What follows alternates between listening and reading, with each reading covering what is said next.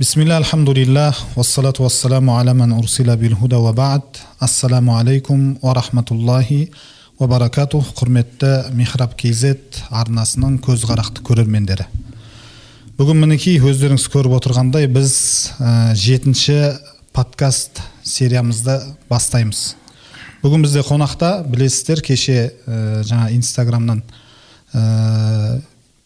салған болатынбыз айтқан болатынбыз. Шет жағасын михраб kz-тен жаңалық көріңіздер деп. Ә, бүгін бізде қонақта елімізге белгілі танымал ұстазымыз әрі бұл кісі менің өзімнің жеке ұстазым да болып келеді. Ә, арман қуанышбаев ұстазымыз бүгін қонақта. Ассалаумағалейкум ұстаз. Қош келдіңіз. Енді ұстазбен бірге ұстаздың ә, шашбауын көтеріп дейміз ба не дейміз сәбит kz танымайтын адам жоқ шығар. Арман ұстаз деген кезде бірден адамдардың ойына ә, екінші сәбит kz деген парақша келіп тұрады. Сәбит бауырымыз ә, бұл бауырым да бөтен кісі емес өзіміздің ә, менің жақыным негізі. Ә, ет жақыным ет жақыным қан бауырым әрі дін бауырым. Қош келдің бауырым. Қош көрдік алла разы болсын. енді ұстаз қалай жақсы жетіп алдыңыз ба? Ат көлік аман есен келдіңіз ба? Шаршамай ұстаздың келуі біраз ә, біздің студиямызға қош келдіңіз ұстаз. Алланың қалауымен мінекей өзіңіз білесіз осындай ә, жобаны қолға алып ә, барынша халыққа ә, осы мынау дінімізді ә, дұрыс дәріптеуді осындай жолменен дәріптеуді жөн көріп ә, осы студиямызды ашқан болатынбыз. Ә, осы студиямызға алтын уақытыңызды бөліп келіп қазір иншалла мынау ә, тақырыбымызды ашып берейін деп отырсыз иншалла. Сізге алла разы болсын алла өміріңізге береке берсін. Әмин. енді қазір сізді көп ә, кісілер ә, жамағат ә, екінші бір қырыңыздан танып келе жатыр. Ә, рухани жаңағы тренер ретінде. Біліп тұрсыз ғой енді тақырып та соған қатысты болайын деп тұр бүгін бүгінгі тақырып. Енді ұстаз осы мынау осы мәселені жақсылап ашықтап анықтап берсеңіз мына инфобизнес және тренингтердің пайда болуы жайлы қысқаша тарихын жақсылап айтып бере аласыз ба? Ә, бисмилля. Негізі бүгінгі тақырып енді бір ерекше қызықты тақырып шығар енді көпшілікке. Инфобизнес деген негізі барлық мәліметті сату ғой енді мағынасы. Бұны біреулер ә, ауа сатумен теңестіріп бұл жалғаншылық барып тұрған алаяқтық десе біреулер жоқ. Неге біліміңді сатқанда не жетсін? Жұртқа біліміңді жай ғана бөліспеген ә, бұл дұрыс емес жай ғана бөлісе салу өйткені оның қадірін білушілер аз. Содан гөрі оны құнын білгендерге сатайық деген екі жақты пікір бар. Ә, расында да енді тақырып ә, ашпастан бұрын тарихына жүзденсек жұрттың бәрі білетін шығар енді. Ең алғашқы осы тренинг өткізіп соны енді қазір біздің заманауи тренингке жақын форматта өткізген кісі дейл карнеги. Ол 1912 жылдары өзінің сол дейл карнегидің тренингі деп атап өткізе бастады.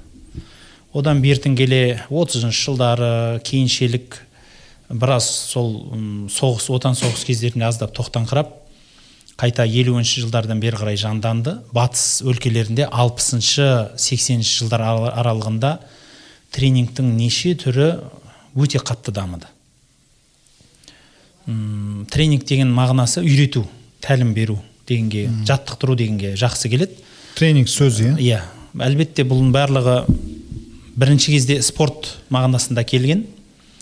Кейіншелік мынау психологиялық тренингтер онан м, сол 80 жылы ә, мынау батыс елдерінде ә, промышленность дейміз ғой өндіріс заманы түгеп бастап ә, жұрттың табыс көзінің өзгеруі дамуы өзгеше болғаннан кейін жұрт бір жаңа қарқынды дамуды ізденіп сол 80 жылдан бері қарай әсіресе бизнес тренинг деген дүние өте қатты дамыды. Бірақ біздің өлкелерде ондай дүние болмады. Ссср кезінде енді мынау кеңестік дәуір кезінде біздің совет одағында сол 81 жылдар эгидес 83 жылдар николай кузнецов деген кісілер психологиялық тренингтер өткізе бастады. Одан бертін келе ең атақты сол тренерлердің біреуі вернер эдхарт деген кісі. Ол кісі сол кейіншелік 90 жылы мынау енді тоқырау заман дейміз бе сол жылдары бұл дүние ресей елдерінде өте қатты белең алды. Біздің қазақстанда енді ондай бір нәрселер әлі де аз аз болып жататын енді. Ар- арнайы клубтар арнайы сол психологиялық орталықтар ашылатын. Біздің қазақстанда 2000 жылдан бері қарай шығар енді. Өте қатты дами бастағандары. Қарқынды дамып қарқынды иә жұрттың барлығы қолға алып соған бет бұра бастағандары осы кездер кітап оқып арнайы тренингтерге қатысу кездері міне осы замандар болды. М, қысқаша тарихының енді тағы бір кішкентай нүкте мысалы өз басым енді тренинг деп жатқанда көбінесе рас енді бұл бағытымызда сөйлесерміз әлі де дегенмен соңғы кездері мысалы мен сол коучинг деген тренинг ә, тренингтің бір саласын оқып үйрендім. Сол дамуына келсек онда ол өзі бұрын сол психология тренингтің ішінде еді ол да. Сексенінші жылдан бері қарай өзі бөлек дисциплина дейді ғой жаңағы өзі бөлек еншісін алып дами бастады.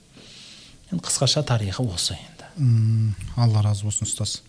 Е, біздің қазақстанға сондай а, алғаш жаңағы ә, қай жылы келе бастады? Нақты айта аласыз ба? Ә, жоқ, әлде нақты, 2000 жылдан бері қарай қарқынды иә былай иә. тек оборот алып бастады халықтың енді мен жалпы халықтың бетбұрысын айтып жатырмын. Өйткені енді қазақстанға психологиялық сондай жиындарды совет дәуірінде өткізуді бастаған кездер болды. А, бірақ бізде ондай қарқынды қабылдамады халық. Кейіншелік мынау екі мыңыншы жылдан бермен қарай халықта мынау әл ауқат түзелді ма әлде соған деген сұраныс бір жаңара бастады. Екі мыңыншы жылдан бері қарай. Енді қазір ұстаз осы тренингтер қатты қарқынды дамып артып келе жатыр. Мысалы қай жерге барсақ та қай жерде жүрсек интернетке кірсек те тренинг жайлы естіп жатамыз. Енді осы тренингтерге қатысудың қаншалықты маңызы бар қаншалықты пайда қаншалықты зиян? Әлбетте бұл бір жан жақты сауал ғой қызық. Себебі енді жалпы алайықшы онда тренинг дегенде егер енді пайдалы және пайдасыз деп бөліп тастасақ та болар еді оның түрлерін. Өте көп түрлері. Ә, бірақ тренингке мүлде барғанның пайдасы м, біріншіден менің байқағаным мен енді ә, жеке өзімнің мониторинг жасап байқағаным тренингке көбінесе баратын адамдар бір белгілі бір бизнесте немесе осы өмірде бір қандай да бір кризиске жеткен немесе бір потолок дейді ғой бір белгілі бір м, бір жерге тіреліп Иә, таппай. иә жол таппай бір дағдарысқа түсіп қалған кезде адам іздеген өзінің бір жаңалығы көбіне баратын адамдар осы жерде яғни бір өзгеріс іздегісі келетін.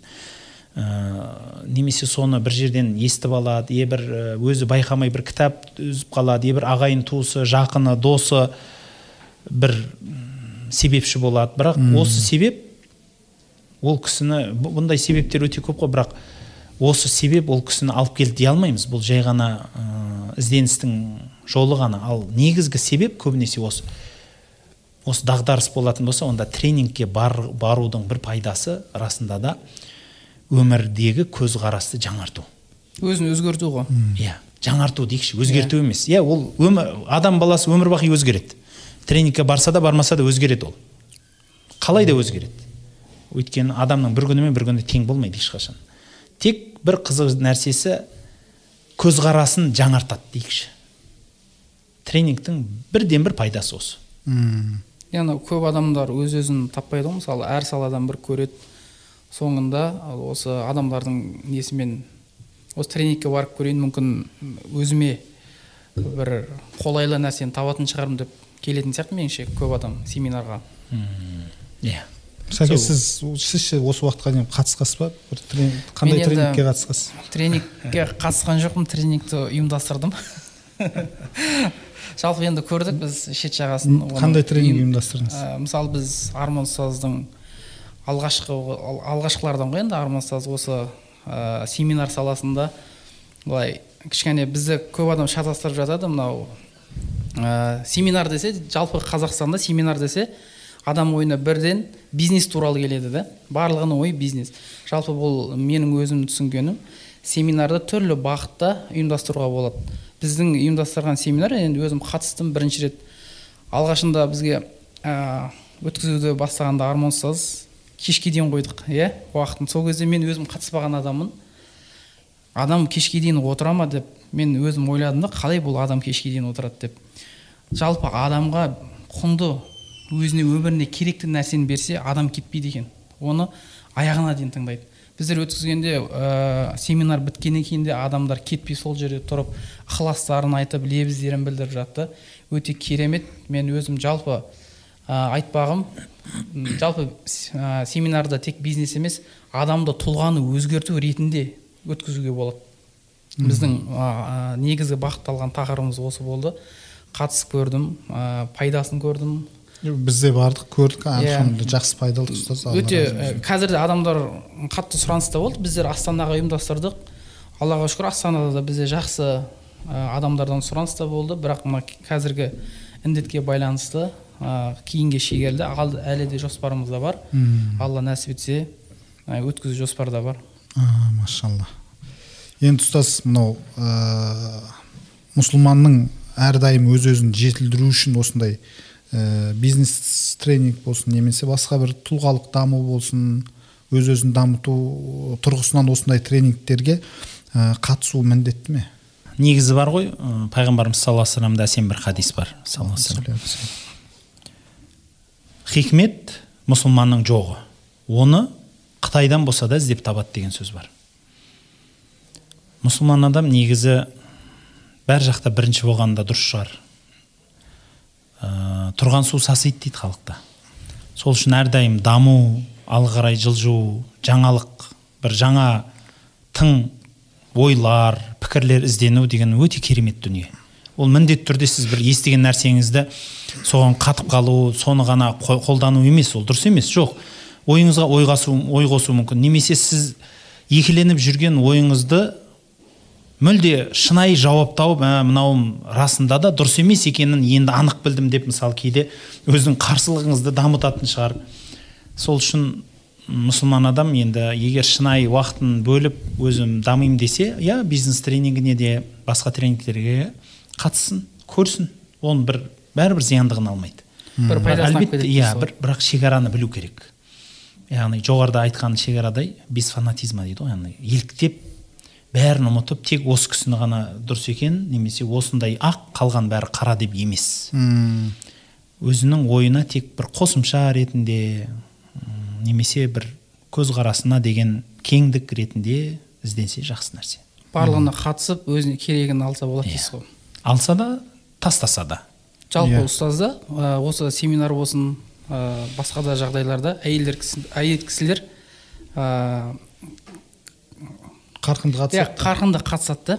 Өткендегі Иә. біздің тренинг 80 пайыз деп жатсыз ғой. Иә біздің мысалы біздің ә, неде тренингте мысалы сексен пайызға жуығы әйел азаматтар болды. Жалпы мысалы ол қоғамда да ә, қазір байқап жатамыз ғой әлеуметтік желі болсын қандай бір салы ә, қандай бір мәселе болса әйел кісілер бірінші белсенділік танытып жатады. Сол сияқты семинарларда да әйел кісілер көптеп келеді. Шынымен керемет байқаған іс екен енді. Бұл да әйел кісілердің сондай істерге өте қатты қызығуы әрекетшеңдігі соны білдіретін шығар. Өйткені байқайсыздар ма тоқсаныншы жылдар бізде тоқырау болды. Көп ер азаматтар тұрақты жұмыс тұрақты түрде өсіп қалғаннан кейін ә, ондай бірден әрекетшеңдікке кіріп кете алмады. Содан әйелдер ғой қазақтың әйелдері қолына ал, ала дорбаны алып арқалап өзі бала шағасы немесе жолдасын жанына ертіп іс бастады. Енді жаңа өзіңіз айтпақшы жетпіс пайыз елу пайыздан жоғары бәрібір. Иә басым көп. Иә бұл да мүмкінше қазіргі бір адам қазақтағы осы қазір психологиялық тренинг бизнес тренингтердің кіріп жатқаны енді кіріп жатыр ғой. Өте қатты жайыла бастады. Мүмкін сол қазақтың қыздарының осыған деген әрекетшеңдігінің белгісі шығар. Қайтадан да осы бір мүмкін. осыдан ә, бізде ер- еркек қауымы бұны әлі ә, оң солын байыптап салмақтап саралап кейде өткізіп алғаннан кейін өкініп жүргеннен гөрі әрекетшеңдігі бұл енді мен ойлаймын қуанатын да жағдай. Бірақ кейде расында да әйел кісі енді екінші жағдай бар ғой. Таяқтың екі ұшы бар дегендей. Екінші жағдай пайғамбарымыз саллаллаху алейхи айтады.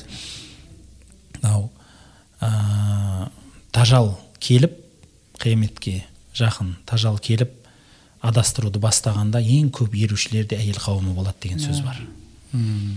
Ә, мүмкін осындай осы ол сенгіштіктерінен иә сол кісілердің сенгіштігінен сол кісілердің жаңағы жүрегінің эмоцияға жақындығынан шығар деп ойлаймын.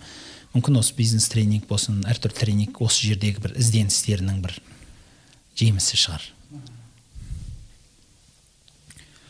Алла разы болсын ұстаз ә, енді ұстаз қазір білесіз ә, бизнес тренер болу ә, модаға айналып келе жатыр көрінген кісі бір кітап екі кітап оқып алып немесе бір бір курс екі курс қатысып алады да ә, тренер болып кетеді мейлі ол, мейлі ол бизнес болсын немесе басқа сала болсын тіпті бизнес иісіне мұр- иісі мұрнына бармайтын адамдар мысалы бизнестің не екенін түсінбейтіндер біреулер кейде бір бизнесті үйреткісі келеді да өзінде жоқ нәрсе. иә өзінде жоқ нәрсе. Көрмеген басынан өтпеген бизнестегі ә, жаңағыдай қиындықтарды кешпеген мысалы.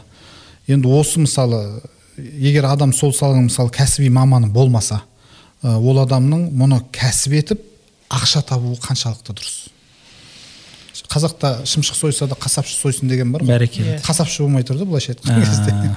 Сауалыңыз өте орынды. Былай айтқанда мынау ит жоқ жерде шошқа да үреді деген нәрсе бар ғой.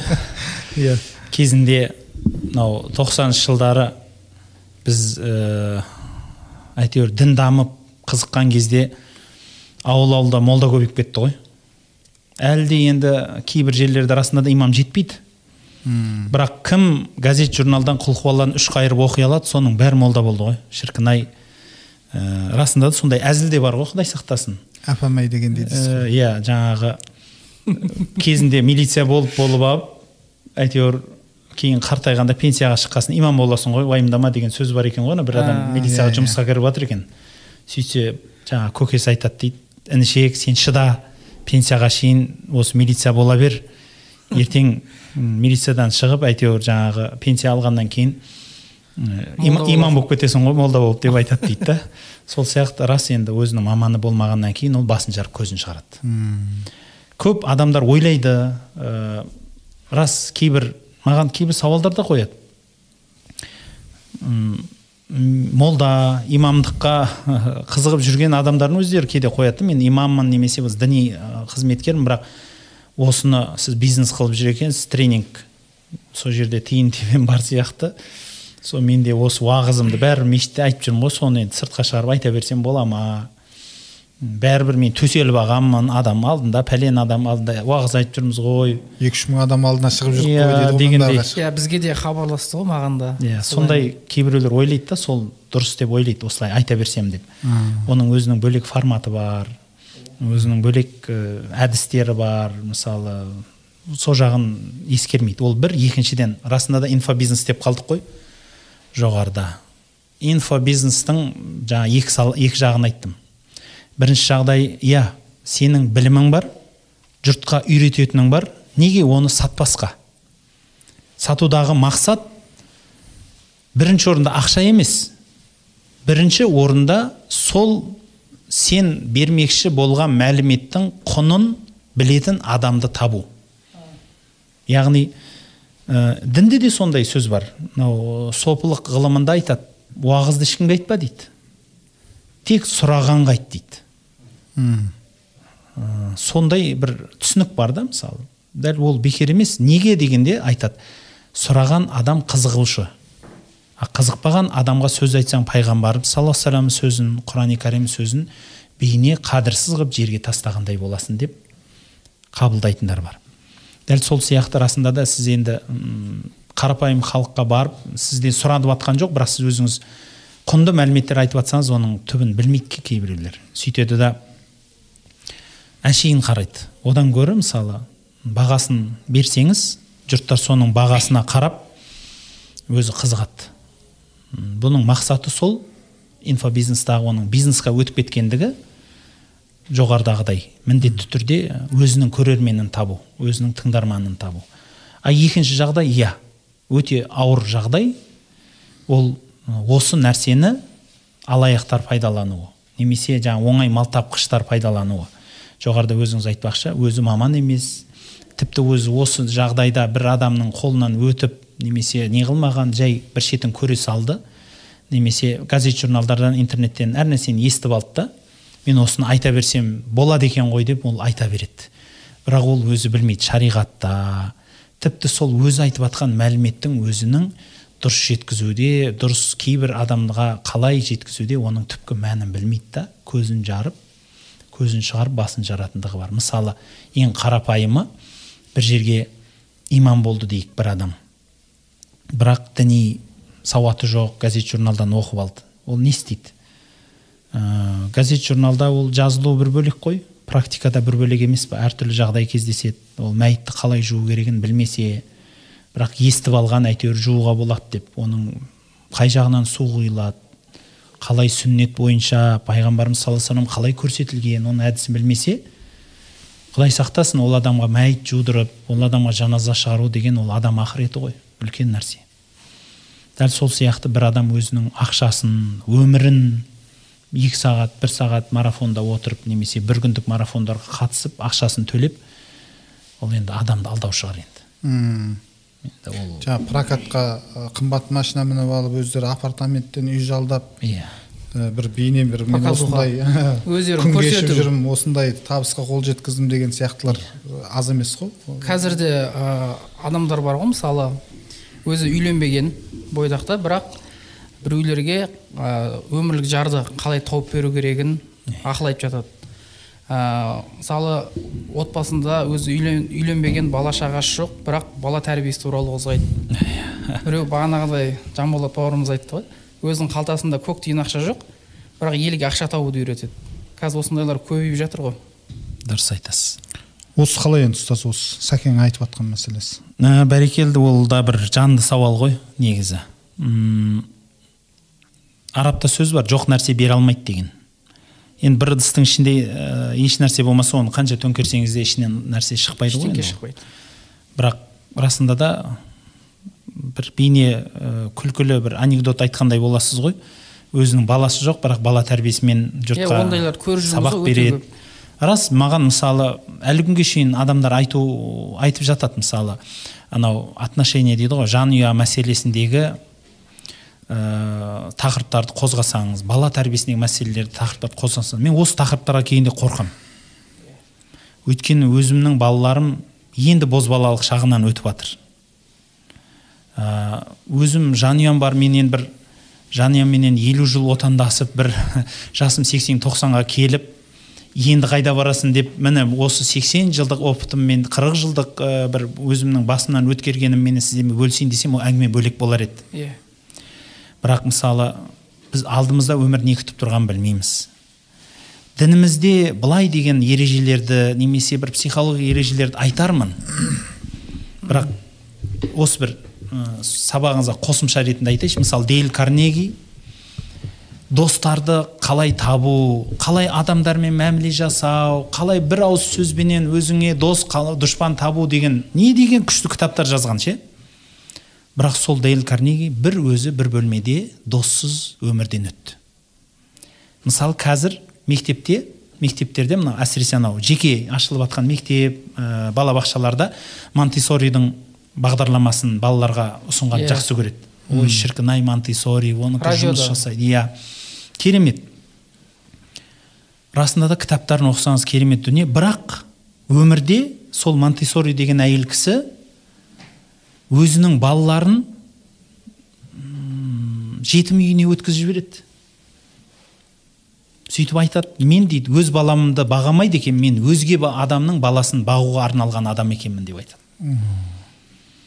Енді шынымен парадокс дүние бар. Немесе біреу айтады ә, мынау бизнес тренингте ең әдемі кітаптардың біреуі ә, жаңағыдегі қазақша аударсақ вавилондағы ең бай адам деген кітап бар. Өте керемет кітап енді. Сол кісі, сол кітапты жазған жазушы бизнестегі өте құнды мәліметтерді айтады. Негізгі өте құнды мәліметтер. Бірақ өз өмір бақи кедей болып өтеді. Қызық иә жаңағыдай. Біреу кедей бірақ байлық туралы айтады. Біреу бала туралы айтады бірақ баласын өзі жетім Жетім. жетім үйіне өткізіп жібереді. Біреу дос туралы айтады бірақ өзі доссыз өледі. Расында да осындай нәрсе м, бір қызық дүние. Екілік екі түрлі жағын айтайыншы мен. Дұрыс. Шынайы халыққа пайда және мәлімет ретінде бөлісіп айтса дұрыс шығар. Бірақ екінші жағдай бар. Арабта сөз бар.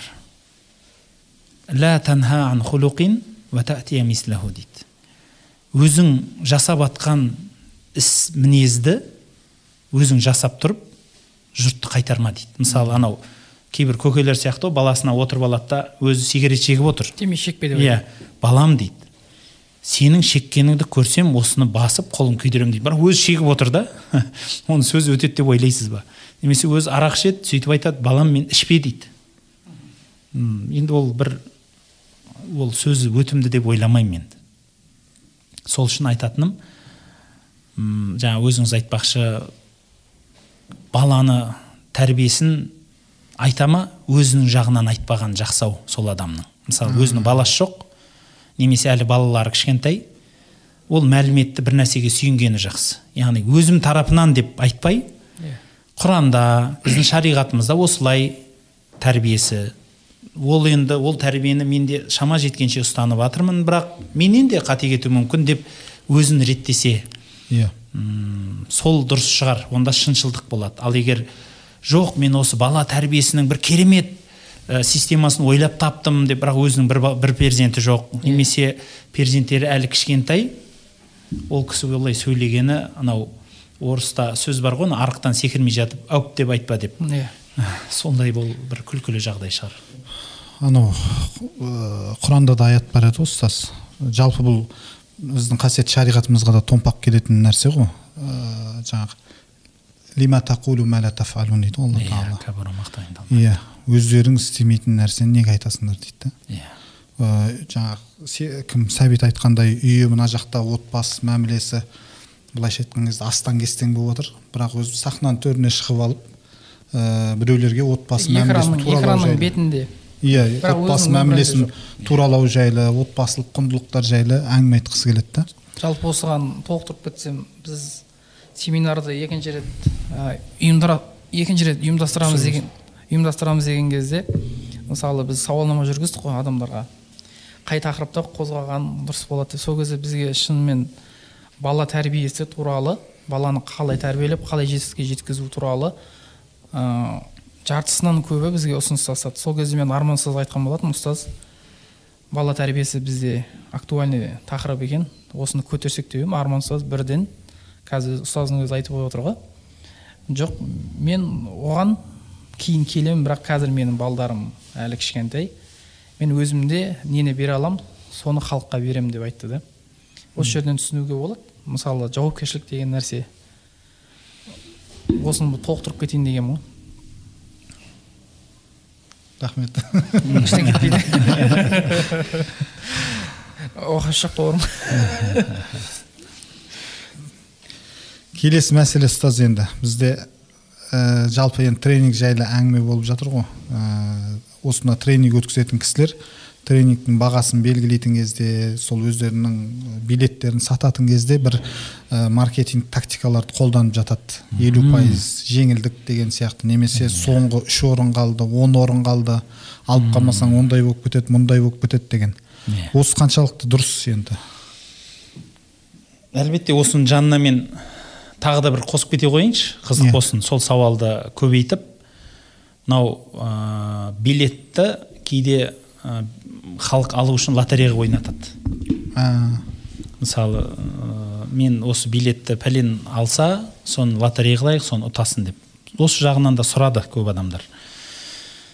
Біріншіден маркетингтік ә, немесе сауда әдістерін осы билет сатуда қолдану қалай десе шариғаттың ережесімен сай болғаны дұрыс. Егер бұл жерде ғарар яғни алдау бір көместік болмаса ол рұқсат етіледі мысалы ә, біздің пәлен күн қалды жаңағы билет санаулы ол өтірік сөз емес жаңағыдай бірақ халықты қызықтыру яғни өте аз күн қалды бір апта қалды бір жетіден кейін ә, билет қалмауы мүмкін алып қалыңыз ә, санаулы ғана билет немесе бірінші қазіргі алсаңыз елу пайыздан сатам онан соң 30 пайыз ә, соңғы бір он күндік қалған кезде мен енді жүз пайыздық бағаның өзін қоямын басқа қоя алмаймын деп айту ол ешқандай не жоқ. Сатудың жолы. Иә сатудың жолы ол ғарар емес. Бірақ ә, басқа мағынада сату яғни билетті жалған қылып көрсету. Сізде мысалы елу адамның билеті бар бірақ сіз он адам қалды бес адам қалды деп м, сату ол дұрыс емес ол алдау. Ә, жоғарыда айтқанымыздай немесе дұрыс енді. Инфобизнес деген бір мәлімет беру болса пайдалы мәлімет қой мен беріп жатқаным деп соның сылтауыменен жұртқа бәрібір келіп билет алады. Ол бәрібір бір нәрсе алып кетті өміріне.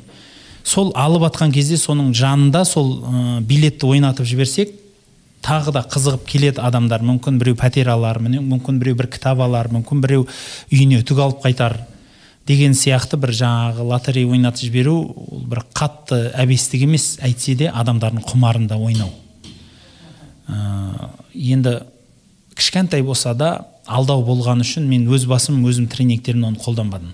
М, бірақ соны қолданған кісілерге онша ұнатпадым оны. Дегенмен ол шариғатта бір қатты әбестігі жоқ. Егер ол жерде шынымен пайдалы дүние болса мысалы пайдалы бір адам қалай құжаттарын өткізіп қалай бизнес ашып қалай тоны жүргізуі оның қалай мысалы дейік бухгалтериясын дұрыстауы оны бизнесті жұртқа интернетте қалай тарқату оның жолдары басқа басқа нәрселерді үйрету құнды мәліметтер.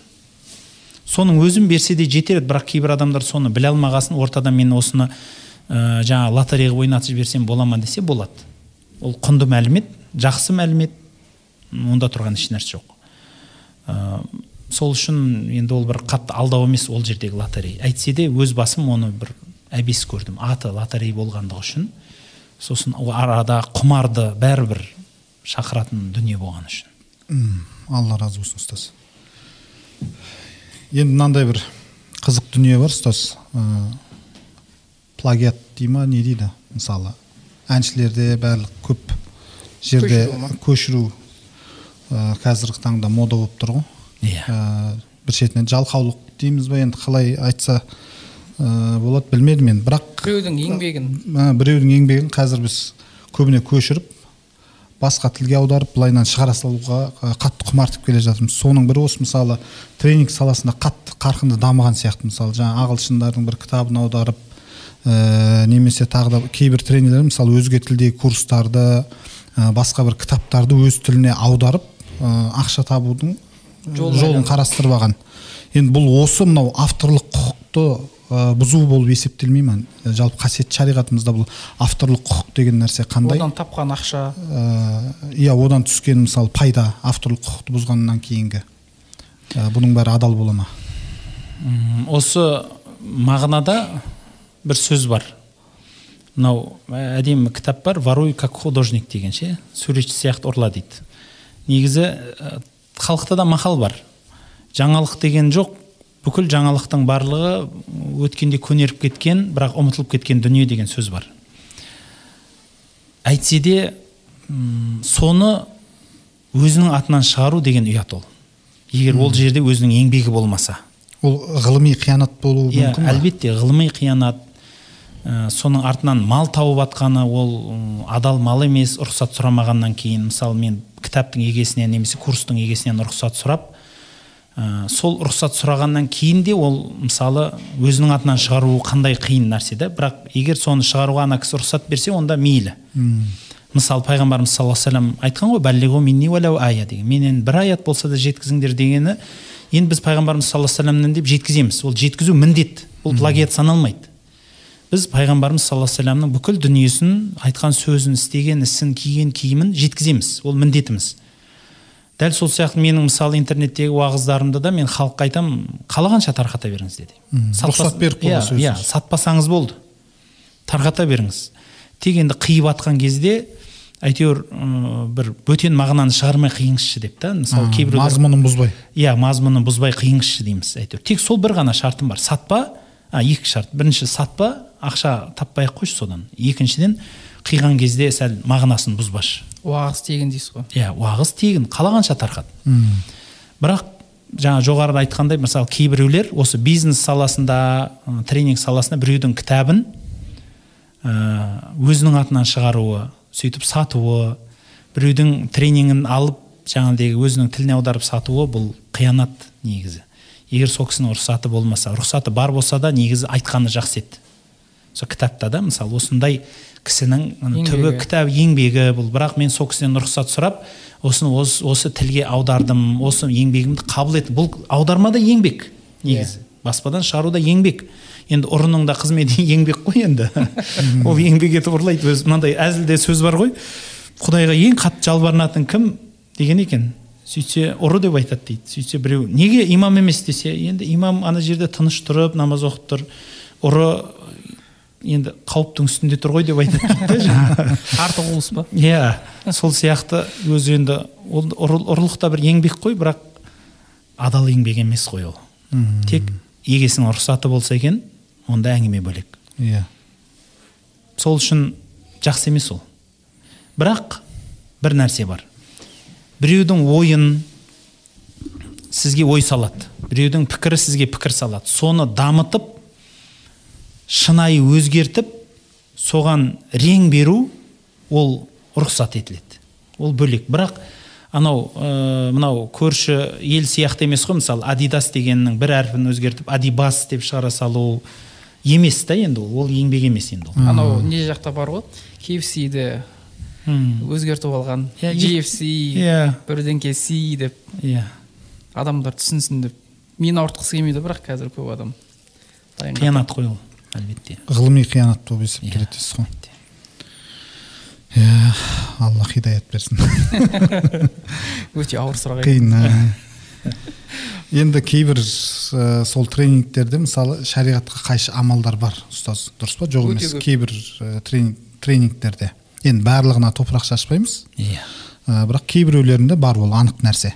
Сол осы сол курсқа қатысып жатқан ә, осы курс мысалы нені талап етсе сол сол жердегі мысалы бизнес тренер немесе, немесе сол жердегі тренер нені талап етсе мейлі ол шариғатқа қайшы нәрсе болсын қайшы болмасын соның барлығын ойбай мен осы курсқа қатысып жатырмын орындауым керек деп деген сияқты бір сондай ұстанымменен ә, орындаған қаншалық дұрыс. Себебі кейбір намаз оқитын адамдардың өздері де солай жасап жатады екен да енді. Иә бізде естідік. Мысалы біреудің семинарына ә, жалпы ол өзім жеке таныс адам. Мысалы бір кісінің атын айтпай ақ қояйын. Семинарына қатыспақшы болған да бірақ ол орамалда болған. Анау талап етіпті. Ә, сен мен ә, мен семинарыма қатысқың келсе сен орамалыңды шешіп кіруің керек деп. Осындай жағдайларда кездесті мен өзім естігемін өз құлағыммен. М, иә. Примерно біліп тұрмын кім екенін деген сияқты. мен атын айтпай ақ қояйын деп тұрмын қолмен көрсетпей ақ қояйық дейсіз ғой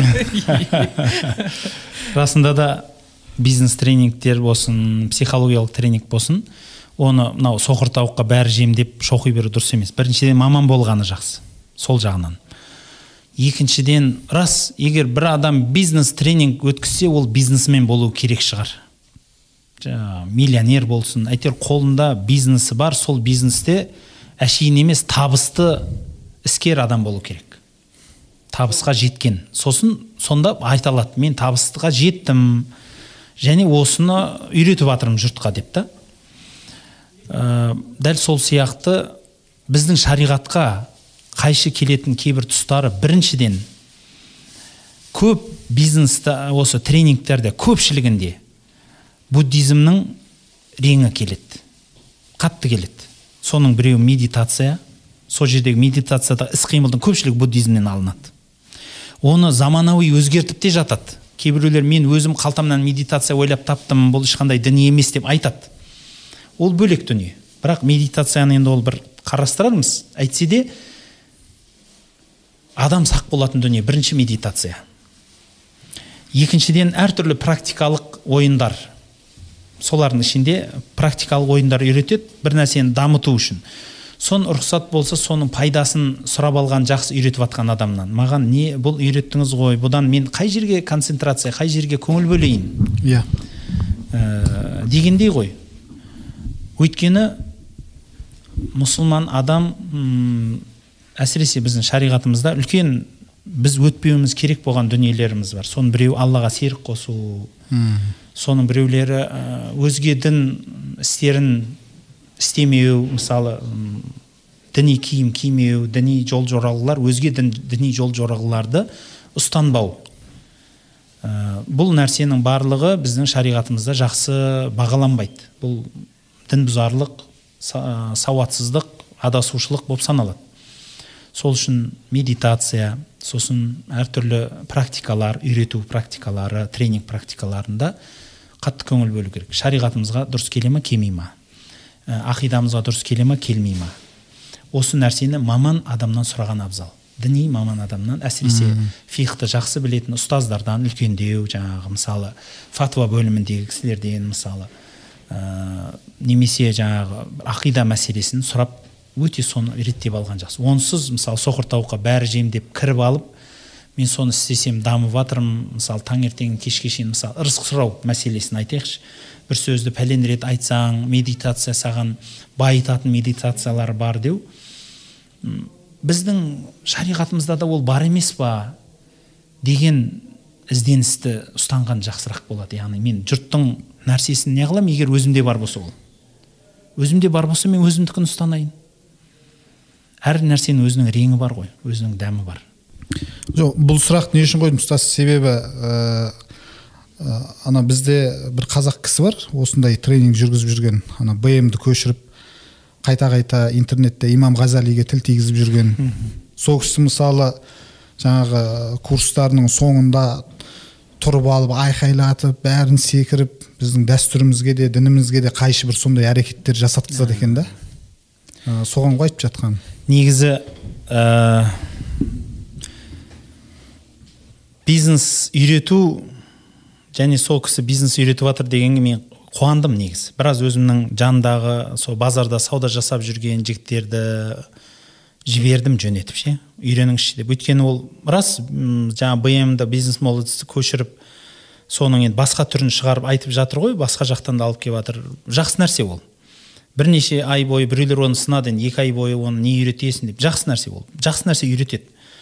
Бірақ рас кейбір сол практикаларын абайлау керек. Айғайлауға болады адамға. Жаңағы ол енді аффирмация жағынан өз өзін жаңа өткен ана соны адам айғайласа кішкентай батылдық пайда болады адамда. Біз мысалы әсіресе үлкен қалалы жерлерде мынау көп қабатты үйлерде тұрғанда жаңағы тіпті адам әжетханасында тыныш отыруды үйренген ғой енді басқа жерді қоя салыңыз. Соншалықты қысып тастаған өмірін. Бәр жағында адам сондай бір бір вакуумда өмір сүріп жатқандай да сол кезде бір иә. сол өз өзін ашады негізі. Ол психологияда ол пайдалы. Бірақ оны саясатқа бұрып кеткендігі соны сондай бір ә, діни түсініктерді саясатқа айналдырып оны ұлтшылдыққа тығып қоюы мен қолдамаймын ондай дүниені. Біздің қазекең әу бастан осы осы дінді дұрыс таңдап өмірдің елегінен ойдың түбінен саралап өткізген дүние бұны бабаларымыз ә, дұрыс емес болса айтар еді. Қанша ғасырлап біз мысалы тіпті ол қазақ хандық құрып келгеннен ең алғашқы қазақтың хандығы шаңырақ құрғанда ислам деп құрылды шаңырағы. Алла деп құрылды. Сондықтан бұл егер дұрыс емес болса бабаларымыз әу бастан ақ бұны таңдамайтын еді бұл дінді. Сондықтан енді бұл біздің ата бабамыздың мирасына өзі білмей тұрып сөйлеу мысалы тренингте басқада мысалы кейбіреулер рас естіп жатамын біреулер алланың тоқсан тоғыз есімін айт немесе мынандай дұғалар айт ақша мынандай дұғалар айт ә, жаңағы депрессиядан бір нәрседен құтыласың деп үйретіп жатады екен. Солар рас па деп сұрақ қойып жатады. Егер алланың есімдері болса және пайғамбардан келген ә, мағынасы дұрыс дұғалар болса айтуға болады. Соны медитация орнына соны аффирмация орнына басқа орындары қолдануға болады. Әйтсе де жоғары айтқандай діни маманнан сұрап алғаныңыз дұрысырақ. Иә. Жаңа атың шықпаса жер өрте дегендей осындай имам ғазали сияқты ұлы тұлғаларға тіл тигізу арқылы бір шетінен өзінің бір ә, атын шығару ма деймін да жаңағыдай? Пиар. Пиар ету арзан пиар. Иә алдында да бір фейсбукта абайға да тиіскен біреу бар еді ғой. Иә. Сондай өздерінің несін көтеру ғой. Анандай рейтингтерін көтеру өздеріне адамды қарату мақсатында да болуы мүмкін.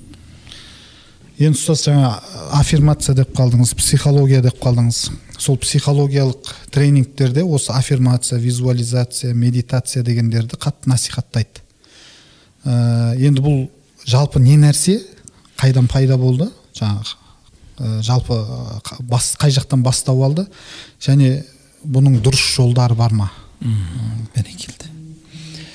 Негізі енді бұл әрқайсысы өз бөлек тақырып. Бір бір сағат жарты сағаттан түсіндірмей алатын орындар. А, визуализация дегені өзінің алға қойған мақсатын көз алдына келтіру. Және сол мақсаттағы жетістікті сезіну. Жаңағы ол біздің шариғатымызда ешқандай зияны жоқ. Мысалы оны имамдарымыз өзінің, өзінің уағызында өзі білмеген жағдайда қолданады. Ол жәннатты суреттеп беру. Қиямет қайымды суреттеп беруі қабір азабын суреттеп беру бұл визуализация. Көз алдына келтіріп береді сол кездегі жағдайларды. Бұл арқылы адам өз өзіне күш қуат алады. Біз ә, мынау психологиялық ә, тренингтердегі сөзде мотивация алады. Яғни мотивация от иә мотивация до деп айтады иә. Яғни бір нәрседен қорқытып та бір нәрсеге қызықтырып та мотивация жасау алады оны біздің шариғатымызда әт тархибу уат тарғиб деп атаймыз. Яғни бір нәрсеге шақыру тарғиб. Тархиб бір нәрседен қорқыту. Бұл екеуі де адамға жігер сыйлайды. Өйткені мысалы енді біздің қазекең әуелден ә, не дейді анау? Біреудің баласы деген мотивациясы бар ғой біздің қазақта. Иә. Жаңағы- көршінің баласы сен әлі иә жатсың біреудің баласы уже қатын алып жатыр сен әлі жүрсің. Ә, біреудің баласы ақша тауып қойды сен әлі жүрсің деген біздің қазақи мотивациямыз бар. Дәл сол сияқты визуализация дегеніміз көз алдына келтіру. Бұл дұрыс нәрсе. Өзінің жетістіктерін алға қойған мақсатының түпкі нүктесін көз алдына келтіру. Дұрыс. Екінші нәрсе ә, аффирмация. Аффирмация дегеніміз бұл негізгі түбі бұл спорт тренингтан спорт коучингтан келген дүние. Спортсмен адам бір жерге өз өзіне күш қайрат алу үшін мен мықтымын мен мықтымын мен мықтымын мен жеңемін мен жеңемін деген сияқты өз өзіне бір сөзді бірнеше рет немесе бір ай бойы үлкен бір шешуші кездесудің алдында қайталап жүріп содан жігер алып ә, жаңағы бір жеңіліп жатқан кезінде оның мысалы жаттықтырушы жанына келіп сен айтушы едің ғой мен жігерлімін мен мықтымын мен берілмеймін немесе анау әсіресе бокста көп қолданады нет боли яғни мынау ешқандай ауру жоқ еш жерің ауырып тұрған жоқ еш жерің ауырып тұрған жоқ деген қайтала қайтала деп жаңағы өз өзін жігер беріп қайттан жаңағы шығып кетуі бұл жігерлендірудің әдістері. Шариғатымызда қандай? Бұл болады шариғатымызда. Кейбіреулер расында да осы аффирмацияны қарапайым қолданады да және қарапайым түсіндіргісі келеді. Психологиялық тренинг өткізіп жүргендер. Мысалы айтайық мен баймын немесе мен миллион или мен доллардың магнитімін жаңағы не дейді ә, сондай нәрселерді қолданады да. Бірақ ә, мен айтар едім оны. Өз басым сол атақты осы гипноздың атасы саналатын милтон эриксон деген кісінің ә, шәкірті төл шәкірті болған мерлин аткинсон деген кісінің қолында дәріс алдық. Осы коучинг тақырыбын толық ә, алғашқы баспалдағын ашып өттік. Бакалавр дейміз бе не дейміз енді? Осы алғашқы баспалдағын өттік.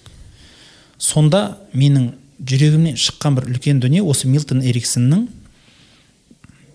айтқан сөзі адамның алға қою мақсаты қандай болу керек дегенге ереже қояды. Мысалы өзің қойған мақсатың біріншіден өлшеулі уақыты белгілі оған күшің анық жететін сен оны істеп жүрген саған ұқсас адам істеп жатқан және өзгеге де өзіңе де зияны келмейтін болу керек деген міндеттер қояды. Егер осындай шекарадан осындай бір рамканың ішінде болса онда аффирмация жасауға болады. Мысал айтайық енді. Бір адам бірден сізге келіп мен 60 километр марафон жүгіре аламын десе айналайын көкем баласы сен өміріңде жүгіріп жүрсің ба? деп сұрақ қою керек та оған. Иә паркте анау он минут жүгіремін десе сен 60 километрлік марафонға олай жүгіре алмайсың деп жаңағы кішкентай сен оны көз алдына келтіре аласың ба ол қалай жүгіретінін деп мысалы сұрақ қоюға болады да одан. Өйткені ол адам өйтіп істей алмайды оны. Ол пәлен марафондарға қатысып жүрген ортада бір демалып қалған мысалы мүмкін алпысқа жүгірмеді ол кісі бірақ 30 километрге жүгіріп келді. Немесе километр өлшемей бір күн таңнан кешке шейін жүгірді. Сонымен жүгіріп жүрген адам да ол кісі. И өзін шыңға тағы да шығару үшін өз өзін жігерлендіру үшін енді мен бұл шыңды қойып бұдан да биік шыңға шығамын енді 60 километр марафонды алам десе онда болады. Ол кісі өзіне сенімді да. Тәжірибесінде. Иә ол тәжірибесінде өткен оның өзінің жобалас мағыналай бір тірлік істеген. Ол кезде ол кісіге болады оны армандау. Соған аффирмация айта аласыз сіз. Мысалы мен 60 километрді жеңемін мен осындай. Мысалы да енді бір өз өзіне бір сөз үйретесіз. Ал бірақ өмірінде ондай жетістікке жетпеген немесе сол тақырыпқа әлі кірмеген оның оң солын әлі білмейтін адам мен қарапайым тілде айтайықшы енді велосипед мініп жүрген адам өмірінде елу алпыс мың сексен мың жүз мыңға шейін айлық алып жүрген адам мен барып жаңағыдегі 40 миллион теңгенің мерседесін мінемін деп магазинге барып 40 миллионның машинасына отырып мен сезінейінші мен соны аламын деуі ол енді ағаттық болады деп ойлаймын. Енді одан азырақ сәл көлемі төмендеу көлікті көрмейсіз ба деп оған айтар едім бірінші мотоциклге отырып иә иә иә. Бар жоқ енді сәл ақылға сыйымды. Мысалы Иә, үш иә, миллионның ақылға қонымды. үш миллионның машинасына отырып көрші деп та. Өйткені велосипед үш миллион енді ер жігіт әрекет қылса иншалла ақылға қонады табу ше мысалы бір жас екі жас или бір бір жыл екі жыл әрекет қыламын да мен сол көлікті алам дейді. Альхамдулилля иншалла аласың дейсің сенесің. Егер сен тынбай жұмыс істесең аласың. Бірақ енді анау 40 миллион теңгенің көлігін сен қазір өзің базарда арбитеріп жүріп оны алам деуің еще тағы күніге қайталауың оны суретін салып қойып визуализ жасауың ол енді қиын. Мынау жоғарыда айтқанымыздай кейбір сол психолог тренингтегі жүргізіп жатқан мамандар кейде ағаттық қылып жібереді. Мысалы артық беріп жібереді да адамдарға. Иә сол қойылатын аффирмацияның қойылған мақсаттың шекарасын мүмкін дұрыс түсіндіре алмайды халыққа. Сен ана мынау аяз әліңді біл құмырсқа жолыңды біл дейді. Ә, әрбір шың шықпай қойылмайтын дүние. Иә сен алға қойсаң шығасың. Бірақ ақылға сыйымды қонымды күшің жететін өзге де өзіңе де зияны жоқ болғаны абзал деп сол шекарасын айтқан дұрысырақ енді ең соңғы бір дүние медитация. Медитация тақырыбы мен бір енді өте қысқа жақынырақ айтсам бұл түбі буддизмнен келген дүние. Енді ол сол буддизмнің ішіндегі олардың қайда табынып жатқаны және қай жерде не шығып жатқанын айтқым келіп отқан жоқ. Құлшылық түрі ма сонда Иә. буддизмдегі? Иә құлшылық түрі. Біздің мысалы өткенде бізді есіңізде болса керек сәке бизнес тренинг ә, біз өзіміз тренинг өткізіп жатқан кезде бір кісі айтты мен бизнес тренингтерде ашана деген жаңағы сол бір жаңағы бір әдісті көрдім сол дұрыс па дегендей қылды. Негізі ол буддизмдегі нәрсе ауаға табыну. Ох. Энергияны аламыз. Иә содан байлық алады басқа алады деген сияқты. Соған яғни көп адамдар соны түсінбейді оны.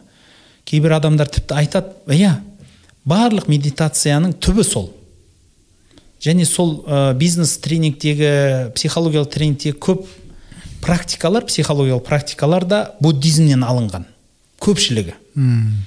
Соны кейбіреулер заманына сай немесе өзінің атеистік сеніміне сай діни нәрсесін алып тастайды да ешкімге табынбайды.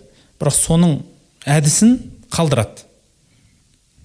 М, яғни мағынасы өзгеріп кетеді. Яғни мысалы ауаға табынбаймыз дейді біз. Оны алып тастайды ол жерлерін. Басқаны алып тастайды да мен түбін қалдырдым содан пайда алдым деп қояды. Діни маман ретінде мен бұған да қарсымын. Одан гөрі одан гөрі.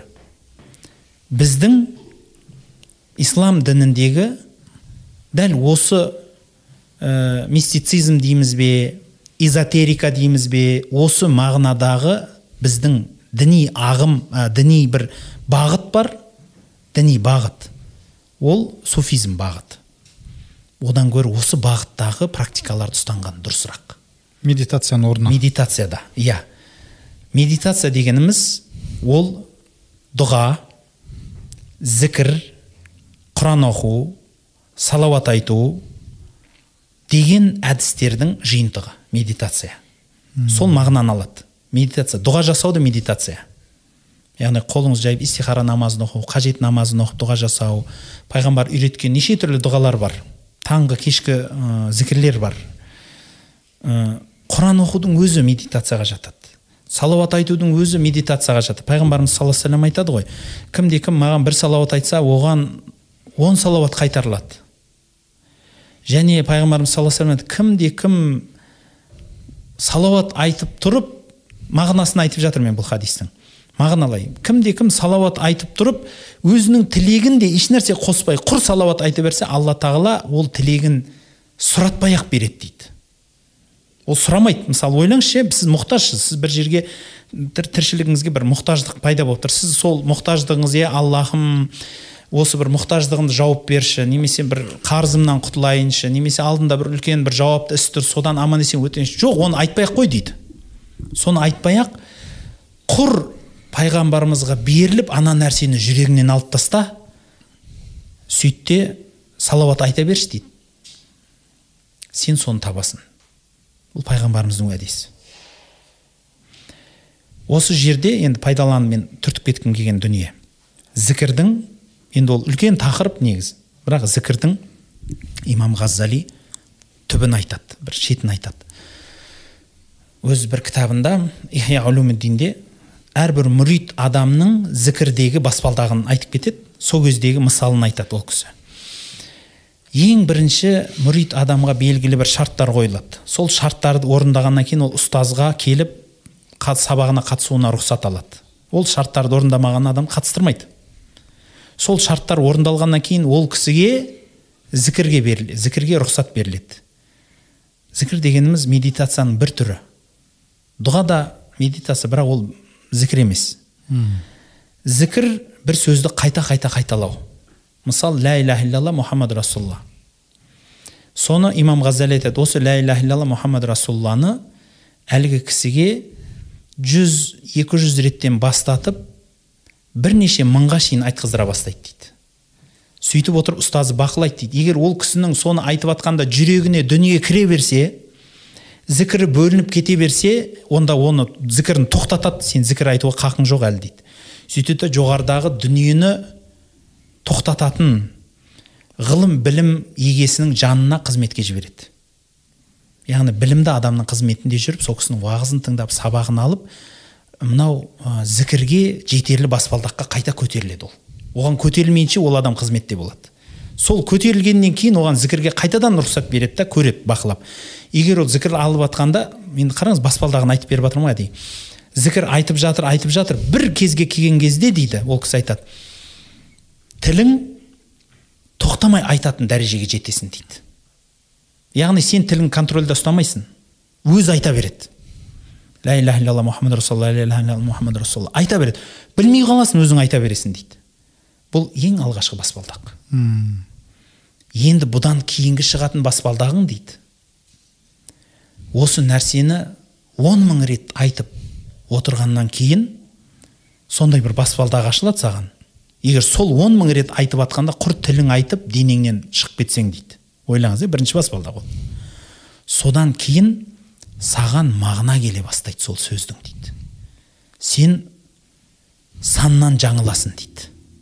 Бұл сан саннан жаңыла бастайсың да мың айттым жүз айттым деген жоқ. Сол кезде ұстазың сенен қолыңнан уже тәспін алады. Болды. Сен санама. Сен айт оны тек қана айт. Айта бастайсыз айта бастайсыз бұл жерде жүрегіңізге мағына орныға бастайды. Яғни сіз жүрегіңізбен айлаға байланысуды үйрене бастайсыз. Бұл да әлі бастауыш адамның қадамы бұл екінші қадамдардың біреуі.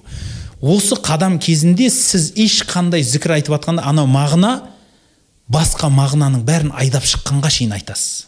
Ойлаңызшы сіздің ойыңызда дүние тіршілік ақырет бас ешнәрсе қалмайды екен ғой. Соншалықты зікір айтылады. Ана жақта сіз бір белгілі бір мына біздің заманмен айтқанда бір трансқа өтіп кетесіз. Транс яғни бір бөлек әлемге өтіп кетіп зікірге соншалықты кіріп кеткеннен. Ұстаз әрбір зікір айтқаннан кейін шәкіртінен комментарий алып тұрады. Қалай сезіндің өзі ол сезімінің бәрін айту керек.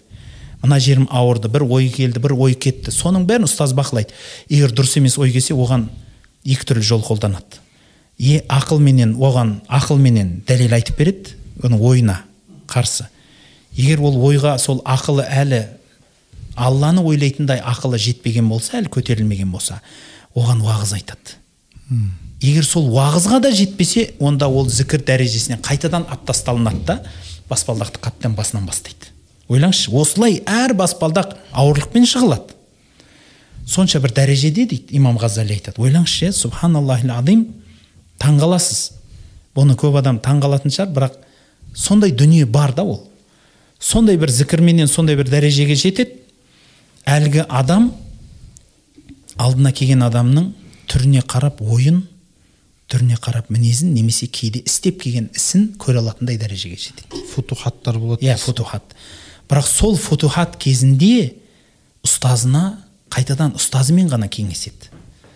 Оған ұстазы ол футухаттарды жаңағыдай көңіліне көзіне ашылып жатқан дүниені айтпауға оны дұрыс қолдануға сол жерде адасатын кез келеді екен ғой қатты.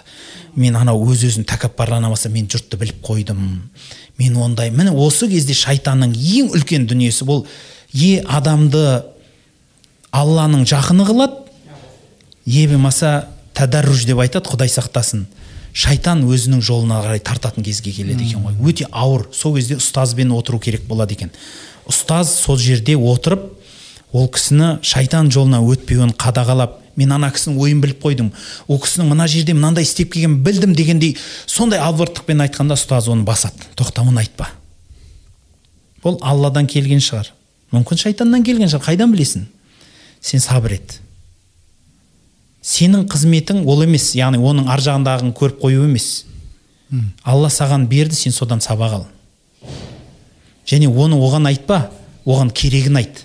Яғни алдына келген адамның ол ойын немесе артында болған уақиғасын көріп тұрады ол.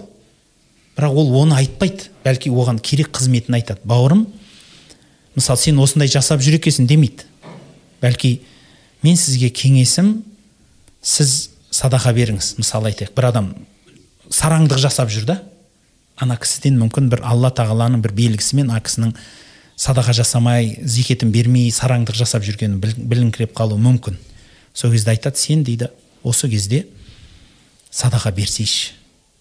Жүрегің ашылады ғой деп жай ғана кеңес айтады. Бітті. Ал ол адам негізі қайдан біліп қойды? деген таңырқау ғана қалады. Мынау соны қарапайым қабылдау керек болады. Мен бір шетін айттым мен. Иә. Бұл өте андай грубый мысал дейді ғой. Зікірдің бір шеті осы. Буддизмдегі зікірде осындай дәрежеге шейін алып барылады. Оны атақты софы аллаяр деген кісі өзінің кітабында жазады. Егер бір кісі ұшса ауаға дейді оны шариғат біліміне сал дейді. Егер оның ұстанымы істеген ісі мен айтқан сөзі шариғатқа дұрыс келсе оған сен дейді. Ол сен шынымен ауада ұштың деп. Ал егер оның шариғаттың шекарасына келмесе оны көтеріп тұрған шайтан деп біл деп айтады. Жаңағы тадарруж иә. Ол кісіні құдай сақтасын шайтан алдап дозаққа қарай сүйреп жатқаны болады. Құдай өзі одан аман қылсын алла сақтасын.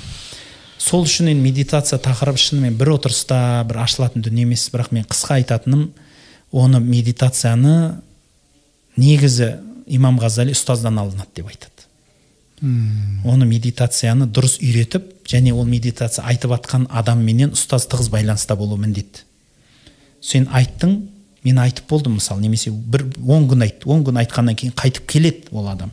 Сөйтіп сол жердегі ішіндегі ойын сезімін бәрін айту керек. Сол жерде шариғатқа дұрыс болмай қалған жері бар ма? Шайтан мені сүйреп бара жатыр ма? Соның бәрін ұстазы алдын ала оған жолын көрсетіп беріп отыру керек. Онсыз бір адам отырып алып медитация жасап жатыр мен зікірге кіріп кеттім деуі жақсы емес. Ал бірақ бұл зікір мағынасында егер медитацияны сіз дұға салауат құран оқу мағынасында қабылдасаңыз онда тағы да сауалым бар оған. Қосымшам. Біріншіден сіз өзіңіз қалағанша салауат өзіңіз қалағанша дұға жасауыңызға хақыңыз бар. Ал құран оқуды дәл солай ұстазыңыздан алғаныңыз абзалырақ болады. Тек сіз өзіңіз қари болып немесе жаттап алған құраныңыз болса соны өз уақытыменен қайталап тұрғаныңыз нұр үстіне нұр. Ал көбінесе өзі айтылатын зікірлер сондай нәрселерді әдет қылғыңыз келсе міндетті түрде ұстаздан алғаныңыз және сол кездегі ойыңызды сол кездегі өзіңізді басқаруды бәрібір ұстаз арқылы шешкеніңіз дұрыс. Сол үшін сопылық танымда ұстаз жоқтың ұстаз шайтан деп айтатын содан. Адам адасу өте қиын. Қысқа айтатыным визуализация рұқсат етіледі. Ақылға қонымды болса. Аффирмация рұқсат етіледі шекарасымен. Шариғи шеңберден иә шықпау керек. иә. Шариғи және ақыли шеңберден шықпау керек. Реальность дейді ғой ақыли шеңберден шықпау керек. Ал зікірге келетін болсақ бұл өте қауіпті дүние. Оны маманнан алған жақсы.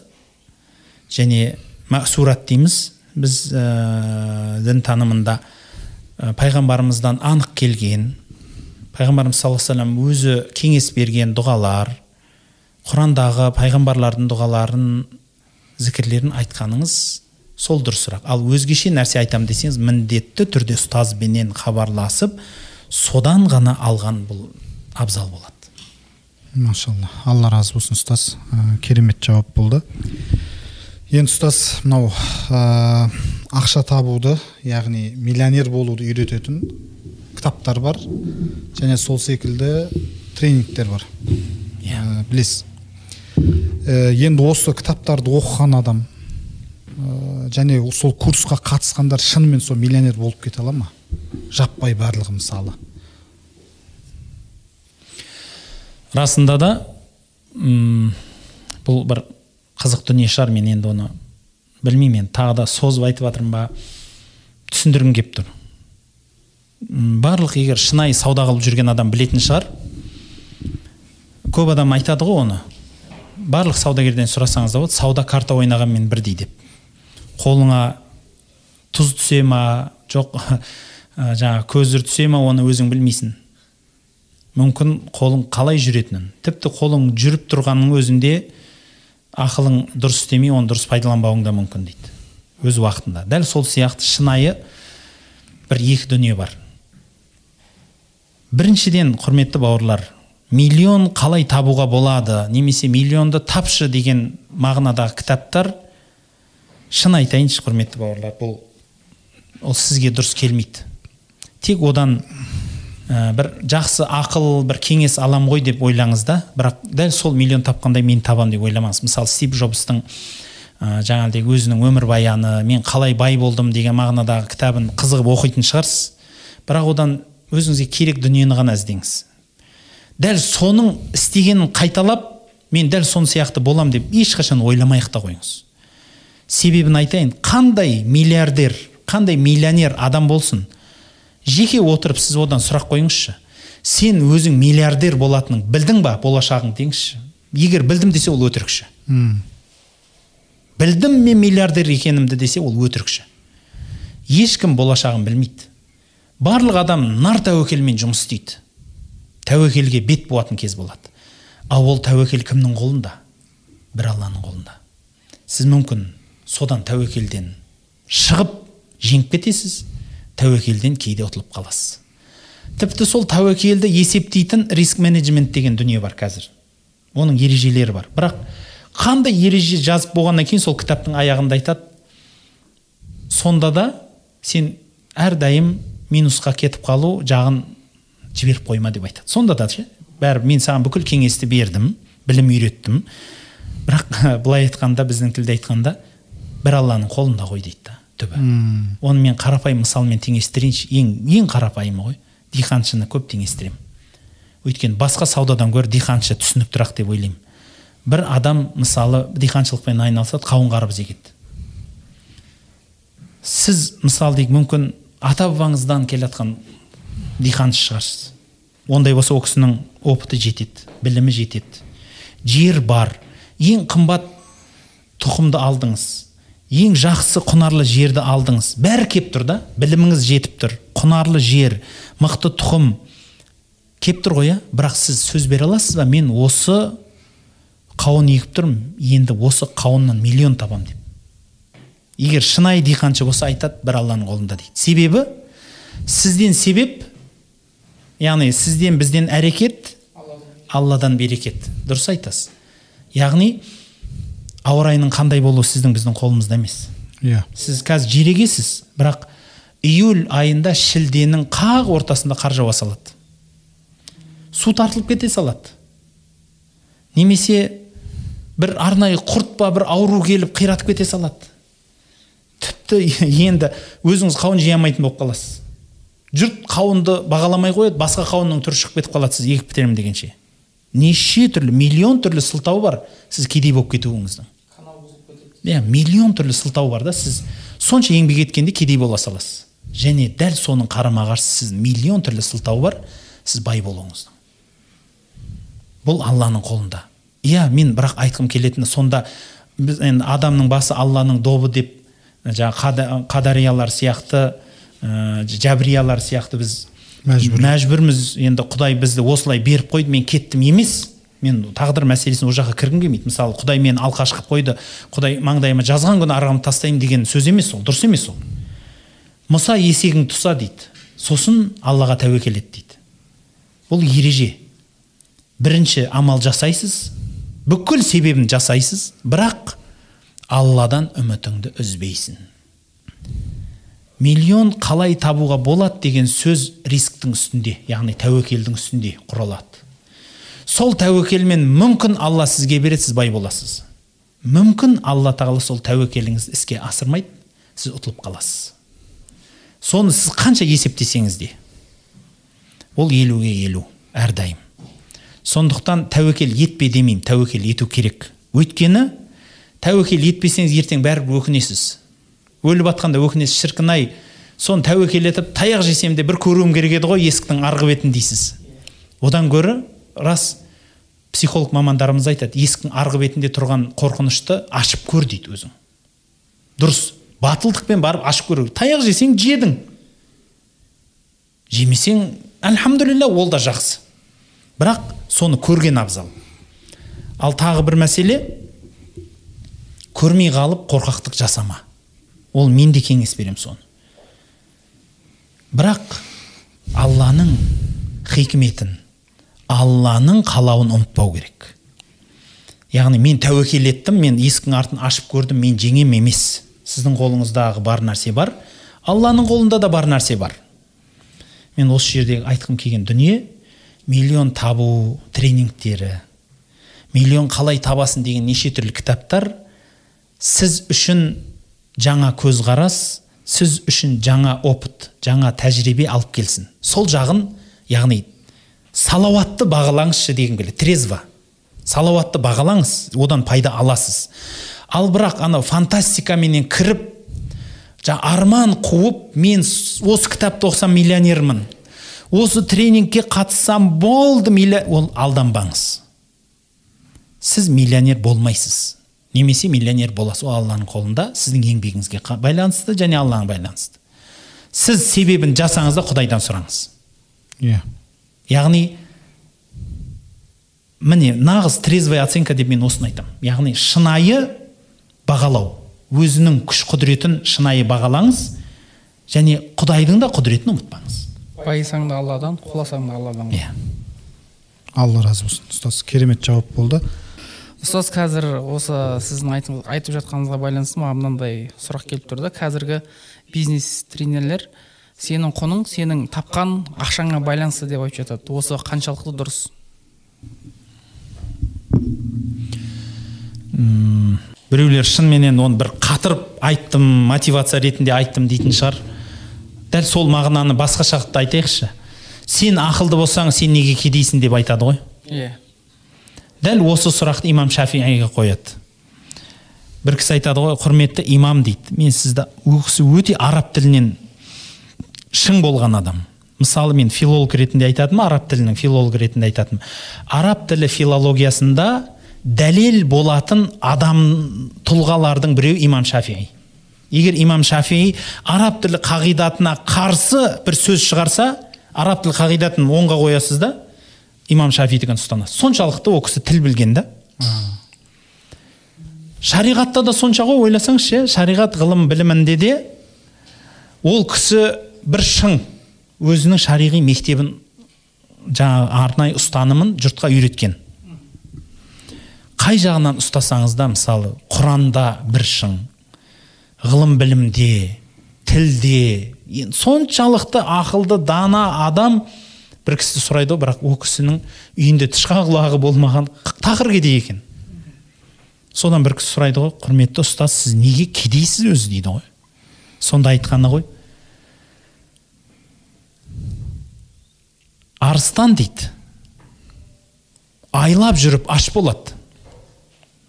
Қанден ит егесінің үйінде жатып майлы ет жесе де дейді. Осыны өлеңдетіп айтып береді ғой. Яғни мен кәнден ит емеспін дейді да. Бірақ кәнден иттер ол ит қой тағы кішкентай ит. Е бөрі басамайды е басқа қыламайды. Әйтеуір декоративный. Жаңағы үйдің бір мүшесі. Шәуілдегеннен басқа түк білмейді дейсіз ғой. Кейбіреулер шәуілдемейді де ғой. Мысықтың іспеттес бір түрі ғой жай ғана. Қолда жүреді дейсіз ғой. Қолда жүреді сөмкеде жүреді. Әдемілеп киіндіріп қояды оны. Бірақ ең майлы тамақты ең жылы жұмсақ соларда да. Бірақ сен оныңмен мақтанбауың керексің ғой. Яғни мен ең майлы жердемін ең жылы сен кәнденит шығарсың. Құдай сақтасын да. Ал арыстан нағыз мүмкін айлап жүріп аш болады дейді. Ана бір сөз бар ғой бір күні арыстан ұрғашысы иттің ұрғашысын айтады дейді ғой жаңағы. Ей бейшара деп ит айтады дейді жаңағы ар, арыстанға да ей бейшара сен арыстан атыңмен екі ақ күшік туасың ба мен жетеу сегіз күшік туамын ғой депті да бұл не бұл деп өзінше бір кемсіткенде айтқан екен ғой арыстан ұрғашысы мен тусам арыстан туам. Сен сияқты ит тумаймын депті да. Имам шафидің айтпақшысы ол өзінің қадірін білгендігі. Бірақ мен оған басқаша жауап берер мысалы біздің қазақтың атақтыларын айтайық біздің кешегі заманның адамдары. Әннің немесе вальстің королі болған шәмші. Кедей ма? Кедей. Тас кедей болған. Бүкіл ақындықтың бөлек бір шыңы мұқағали мақатаев. Кедей ма? Кедей. Онда не сонда олардың ақылы жоқ па? Біреулер оны кемсітуі мүмкін мен оны ақылды санамаймын. Бекер де айтыпсың. Сен соның тырнағына да татымайсың. Шәмшінің де мұқағалидың да. Олардың кедей болу сыры өзінің бүкіл күш құдіретін қызыққан ісіне бергендігі. Яғни шәмші бүкіл күшін бүкіл ойын бүкіл өнерін білімін ғылымын барын музыкаға берді. Сол үшін қайталанбас бір адам болды. Мұқағали бүкіл өмірін бүкілін барлығын күшін өлеңге берді. Сол үшін қайталанбас бір адам болды. Сен барлық күшіңді ақша табуға бердің сол үшін миллиардер болдың. Рас қой. Бірақ сол миллионерден де миллиардерден де артық адамдар болған. Оны өзін жоғары үйтіп санамау керек ол адамда. Мысал айтқым келетін имам абу ханифа рахматулла алейх өзі шариғат ғылымында үлкен бір тұлға өзі сауда саттықта бір дүкені болғандығы бір мысалы бір дүкені куфа қаласының әкімшілігі отырған ғимаратты сатып алып ойлаңызшы үлкен әкімшілік ғимаратын сатып алып бастан аяқ соны мата сататын дүкен қылып қойған ойласаңызшы сөйтіп соның орнына куфа қаласына басқа ғимарат салып береді. Бұл ол кісінің қаражатының мықтылығы бір адам айтып береді сол манахи абу ханифада ол кісінің бір сауда бір жылға жетіп түгеп есептейтін саудасы төрт жүз мың мың алтын болатын дейді. 400 мың мың дегені 400 миллион алтын. Бір тілі алтынды сіз есептей беріңіз 4 граммнан 6 граммға шейін. 6 грамм алтынды ойлаңызшы қазіргі немен қанша болады ол? Және соны 400 миллионға көбейтіңіз сондай әл ауқатты адам тағы еще ғылым білімде үлкен басқа жағынан да болған адам. Неге бұрып жатырмын сенің құның сенің тапқан ақшаңды білдіреді немесе сенің ақылдылығың сенің қалтаңдағы ақшаң білдіреді деген теңеулердің барлығы артық әспеттеу ғана жай ғана. Олай айтпас едім. Бәлки сенің құныңды сенің істеген ісің білдіреді деп. Ердің құны оның ісі. Әуелден мынандай сөз бар. Мынау орыс тілінде айтылады. Мужчина еркек это действие дейді. Ол бір іс қимылдың адамы. Ол іс қимыл мужчина это действие еркек бұл іс қимыл а женщина это состояние дейді. Әйел бұл жағдай. Енді оны әйел туралы айтқанда бір айтып берерміз бірақ еркек іс қимыл деген сөз сен сенің құның қандай десе сенің істеген ісің. Оған дәлелім әрбір адам өзінің істеген ісіне жауабын береді құдайдың алдында. Осы жердегі сөз мысалы кейде сол сіздің айтқаныңыздай сенің құның сенің тапқан ақшаң немесе сенің ақылдылығың сенің қалтаңдағы ақша білдіреді деу. Бұл егер соған сеніп айтып жатқан адам болса онда ол ақымақ. Енді оны балама мағынада айтса онда енді ол бөлек мағына. Дүниемен иә. Машалла. Алла разы болсын ұстаз. Енді ұстаз өзіңізге тікелей өзіңізге қатысты бір екі сұрақ қойғым келіп отыр. Мен соңғы кездері мынандай бір әңгіме естідім. Арман ұстаз ә, осы діни форматта тренинг өткізіп ақша тапқысы келіп жүр деген секілді әңгімені естідім. Осы қаншалықты рас? Және ә, сіздің осы мынау өткізген тренингіңіз осы жасаған ә, жаңағы курсыңыз дінді құрал етіп пайдаланып ақша табу емес па керемет сауал қажеке. Расында да біз тренингті ашып жатқанда сәкең білет халықта шынайы осы бір сөз қатты қозғалды. Иә. түсініспеушілік болды. Міне біздің имамдар енді мешітті қойып ақша табуға өткен ба енді шариғатты сатуға бола ма деген сөздер кетті. сатыла ма? Уағызда сатылатын болған ба деп кетті. Бірақ мен тренингке қатысқан адамдар білетін шығар. Мен өзі жеке өзім тренингте діни форматта өткізген жоқпын. Яғни көп адам сол жерде түсінбеді әлі де түсінбейтін шығар. Осы сөзді айтып тұрып та бәрі түсінбейтін шығар. Менің тренингім діни формат емес.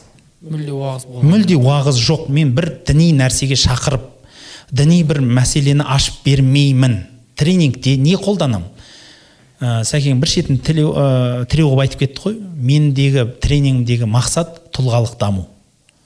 Адам өзінің үйлесімділігін табу. Бұл өмірдегі үйлесімділік. Мысалы жанұяда эмоциональдық психологиялық ойлау, ойлау қабілетіндегі физикалық қабілетіндегі бизнес қабілетіндегі барлық жердегі өзінің теңдігін үйлесімділігін баланс дейміз ғой. Сол жердегі үйлесімді дүниені тауып арқылы даму әрдайымғы тұлғаның дамуын мен жұртқа түсіндіріп отырамын тек қана сол жерде қолданылған мүмкін біздің шариғатымыздағы пайғамбарымыздың немесе діни кейбір тұлғалардың айтқан сөздері шығар. Бірақ түпкі мағына мен ол жерде діни форматта да діни шақыруға да көңіл бөлмеймін және оған күш бөлмеймін. Сондықтан менің тренингтерім діни емес және менің тренингтерім діни болмағандықтан оны сату дінді сату немесе дінді ақшаға айналдыру емес мен діни тұлға болғаныммен тренинг діни болған жоқ yeah. Иә. ғой иә. әлбетте өзімнің басқа қырымнан халықты көрсеткім келді халыққа рас расында енді өнерді үйрен де жирен дейді өзіме осы бір қырды дұрыс деп түсіндім мысалы айтайықшы енді мен өз басым алты жыл домбыраға қатысқан адаммын бірақ енді мен қолыма домбыра алып халыққа м, олай шыққан емеспін. Күй тартып. Иә күй тартып ән айтып немесе бір ә, жаңағы басқалай. Жоқ мен өзіме ол нәрсені енді мүмкін бір өнерді үйрен ретінде ғана қалдырдым. Спортқа қызығамын мен енді сонда барып бір жерге ммларға қатысып немесе бір жерге штанга көтеруге қатысып немесе бір спортқа деген қызығуым жан дүнием ұрып тұрғанменен мен ол жерден өзімді көре алмадым. Көргім де келмейді. Ол менің бір жігіттік бір қырым ғана деп қалдырамын ат мінгенді жақсы көремін ә, мүмкін балық аулағанды жақсы көремін мүмкін соған ұқсайтын жақсы көретін адамның қырлары өте көп қой.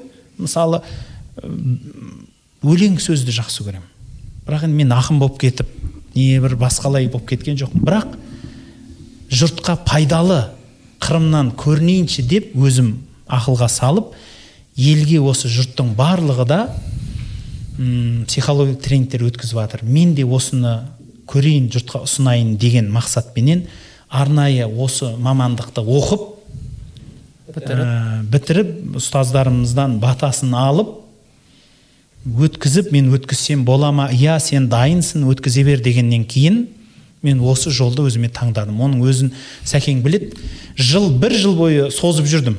Иә. Мысалы өткізем деп келем да датым бармайды. Шынайылық болмай қала ма халық түсінбей қала ма? Немесе мені біріншіден сол тоқтатқан дүние осы жерде халыққа шынайы пайда, пайдалы ма пайдалы емес па деп тоқтата беретін осы нәрсе. Кейіншелік тәуекел қылсаңызшы дегеннен кейін жұртқа сол өтетін тренингімді әр жерде бір шетінен түртіп түртіп өткізсем халық қабылдап жатқасын жинадым да бір топтамаға өткізіп едім. Сәкең айтпақшы расында да таңнан кешке шейін өтті тренинг таңғы сағат тоғыздан кешкі сағат алтыға шейін өтті.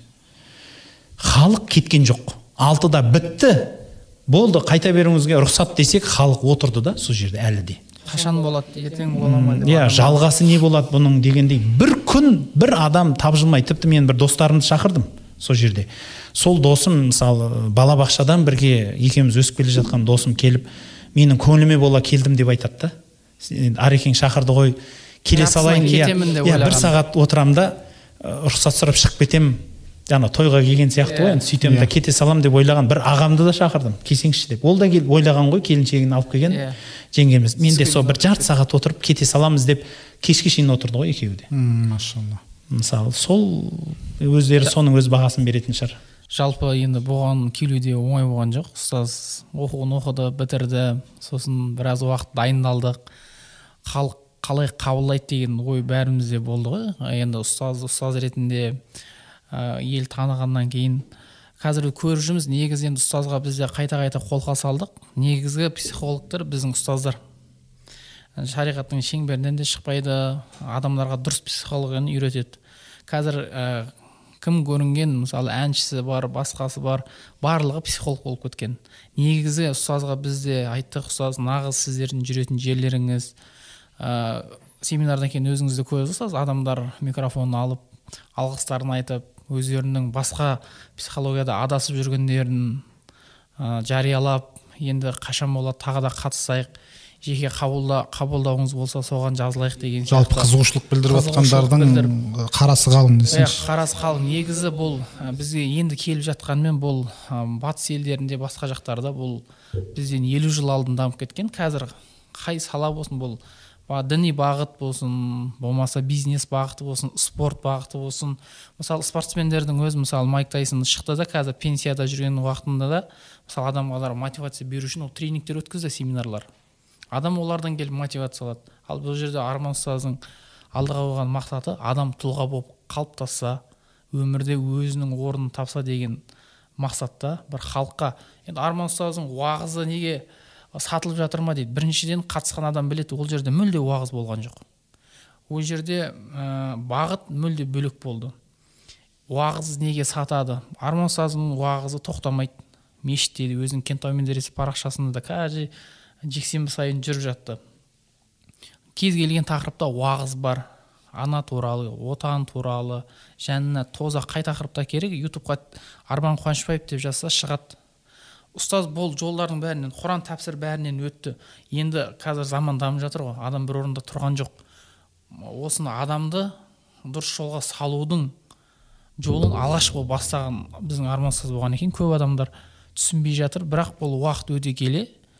Бұл адамдар дұрыс түсінікпен қарайды деген біздің ойымыз бар. Иә. Осыдан таймаймыз. Аллаға күш қуат. Алладан сұраймыз. Жаңа кім сәкең оқу бітірді деп қалды ұстаз. Қай сонда мынау тренингке қатысты арнайы бір оқу орнын бітірдіңіз ба?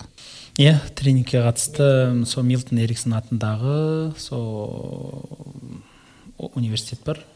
Шет тілінде оқыды. Ағылшынша иә? Иә ванкувердегі канададағы Сол университет. Сол университеттің басшысы президенті мерлин аткинсон деген кісі. Енді бірнеше сабақтарын өттік. Кейіншелік ол кісінің өзіне де жеке отырып сабақ алып өзімнің кеңестерімді алып рұқсатын алдық. А, машалла. Емтиханды да ең соңғы нүктелерін сол кісі қойды. Ижазасын берді дейсіз ғой. Иә. Ұстаз енді жаңағы ә, діни форматтағы тренинг дегеннен мына нәрсе келіп отыр да ойыма діни марафондар ақылы діни марафондар. Тәжуид өту құран өту деген секілді фих өту тағы да басқа. Ә, жалпы бұл нәрсе қаншалықты дұрыс қасиетті шариғатымыз бұған не дейді? Енді егер діни марафондар діни сондай тәжвид құран сабақтарын ақылы өткізудің өзіне келетін болсақ ол бір ғана мақсатпенен өз өзін ақтай алады. Тек қана керекті адамдарды жаңағыдегі қарату және екінші жағынан мүмкін сол қаражатты тағы да бір дін жолына бір жақсы бір іс шараға қолдану. Мысалы енді соған шақырылған ұстаздың жанұясына енді ол да бәрібір сабақ беріп жүр басқа қылып жүр. Бір бәрін емес енді мысалы белгілі бір мөлшерде сол кісіге қолдау ретінде қалғанын мешітке жағдайы жоқ нашар азаматтарымызға медресе салуға сияқты нәрсені пайдалану екі тағы бір осыған қосымша нәрсе. Мысалы шетелдерде шетелдерде мысалы америка болсын англия болсын сондай жерлерде діни уағыздар ақшалай өтеді. А оны соны өткізіп жатқан адамдардың өздері түсіндіріп айтады біздің жерде бұндай нәрсе жоқ яғни тегін мешіт деген жоқ. Сосын мешітке бәрі келе бермейді. Ол да бар да. М, сол үшін мысалы арнайы сондай үлкен сарайларда сондай жерлерде рұқсат болса және ол сарайды жалдағаннан кейін оның қаражаты бар. Шығын Иә, шығару ол керек дейсің. шығынын шығару мақсатында халыққа ауырлық түспейтін бағаменен өткізіп жатса діни марафон құран оқу сабақтары басқалай болады. Бірақ яғни ұятсыз бағамен емес. Халыққа қолайлы өте қарапайым яғни символический дейді ғой өте қарапайым бағамен өткізгені дұрысырақ ал бірақ неге өйтіп жатырмын? Ә, имам шафи рахматулла алейхтан сондай сөз бар. Мен бұл дінді тегін үйрендім тегін үйретейік деген. Ә, одан бөлек те басқа ғалымдардың сөздері өте көп. Құранды сатуға болмайтындығы жайлы ә, сондай жайлы. Бірақ ә, имам абу ханифа мазхабында сондай бір керемет сөз бар. Пайғамбарымыз мысалын келтіріп айтады. Сенің берген ақшаңның ең абзалы құран үшін берген ақшаң дейді. Яғни құранды үйрену үшін берген ақша төленілген құнның ішіндегі ең қадірлісі дейді. Мысалы сен мүмкін біреуден спорт үйрену үшін ақша бердің біреуден бизнес үйрену үшін ақша бердің. Тіпті диплом оқып жатқанда да мысалы енді әр жылы оқуыңыз төлейсіз ғой.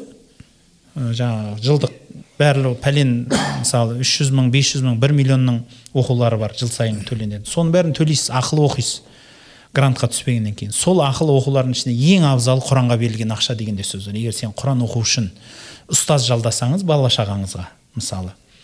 Немесе өзіңіз сабақ бере алмай жатқаннан кейін келіншегіңізге немесе басқаларға жалдасаңыз немесе сіздің келіншегіңіз оқып келді.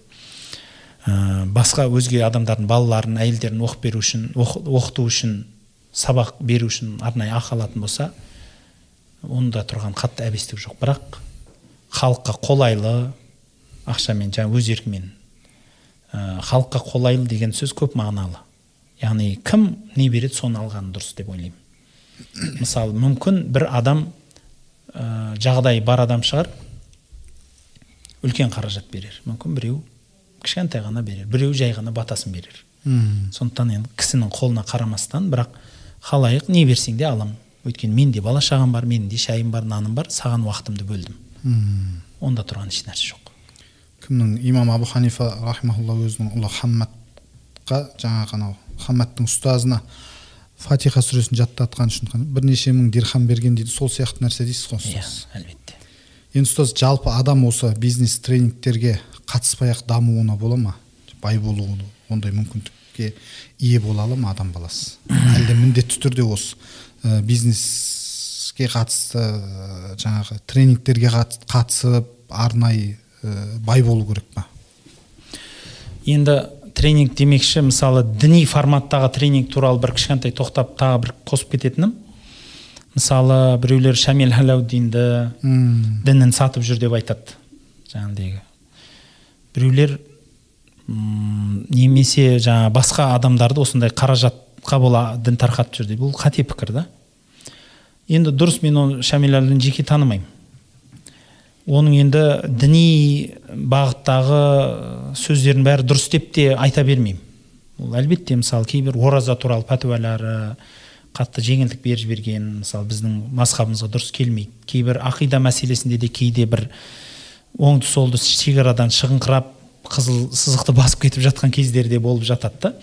Мен оны діни тұрғыдан айтпаймын бірақ ә, ол кісі расында да өзінің бизнес тренингі болсын немесе өзінің кездесулерінде ә, би- ә, тренинг қылып өткізетін кездесулер керемет қаражат алады. Мысалы біздің алматыға келгеннің өзі әр адам баласына 200 бір нәрсе мыңнан 600 мыңнан 500 мыңнан бір орынды ә, алып жатты. иә. жұрттар келді оны ешкім.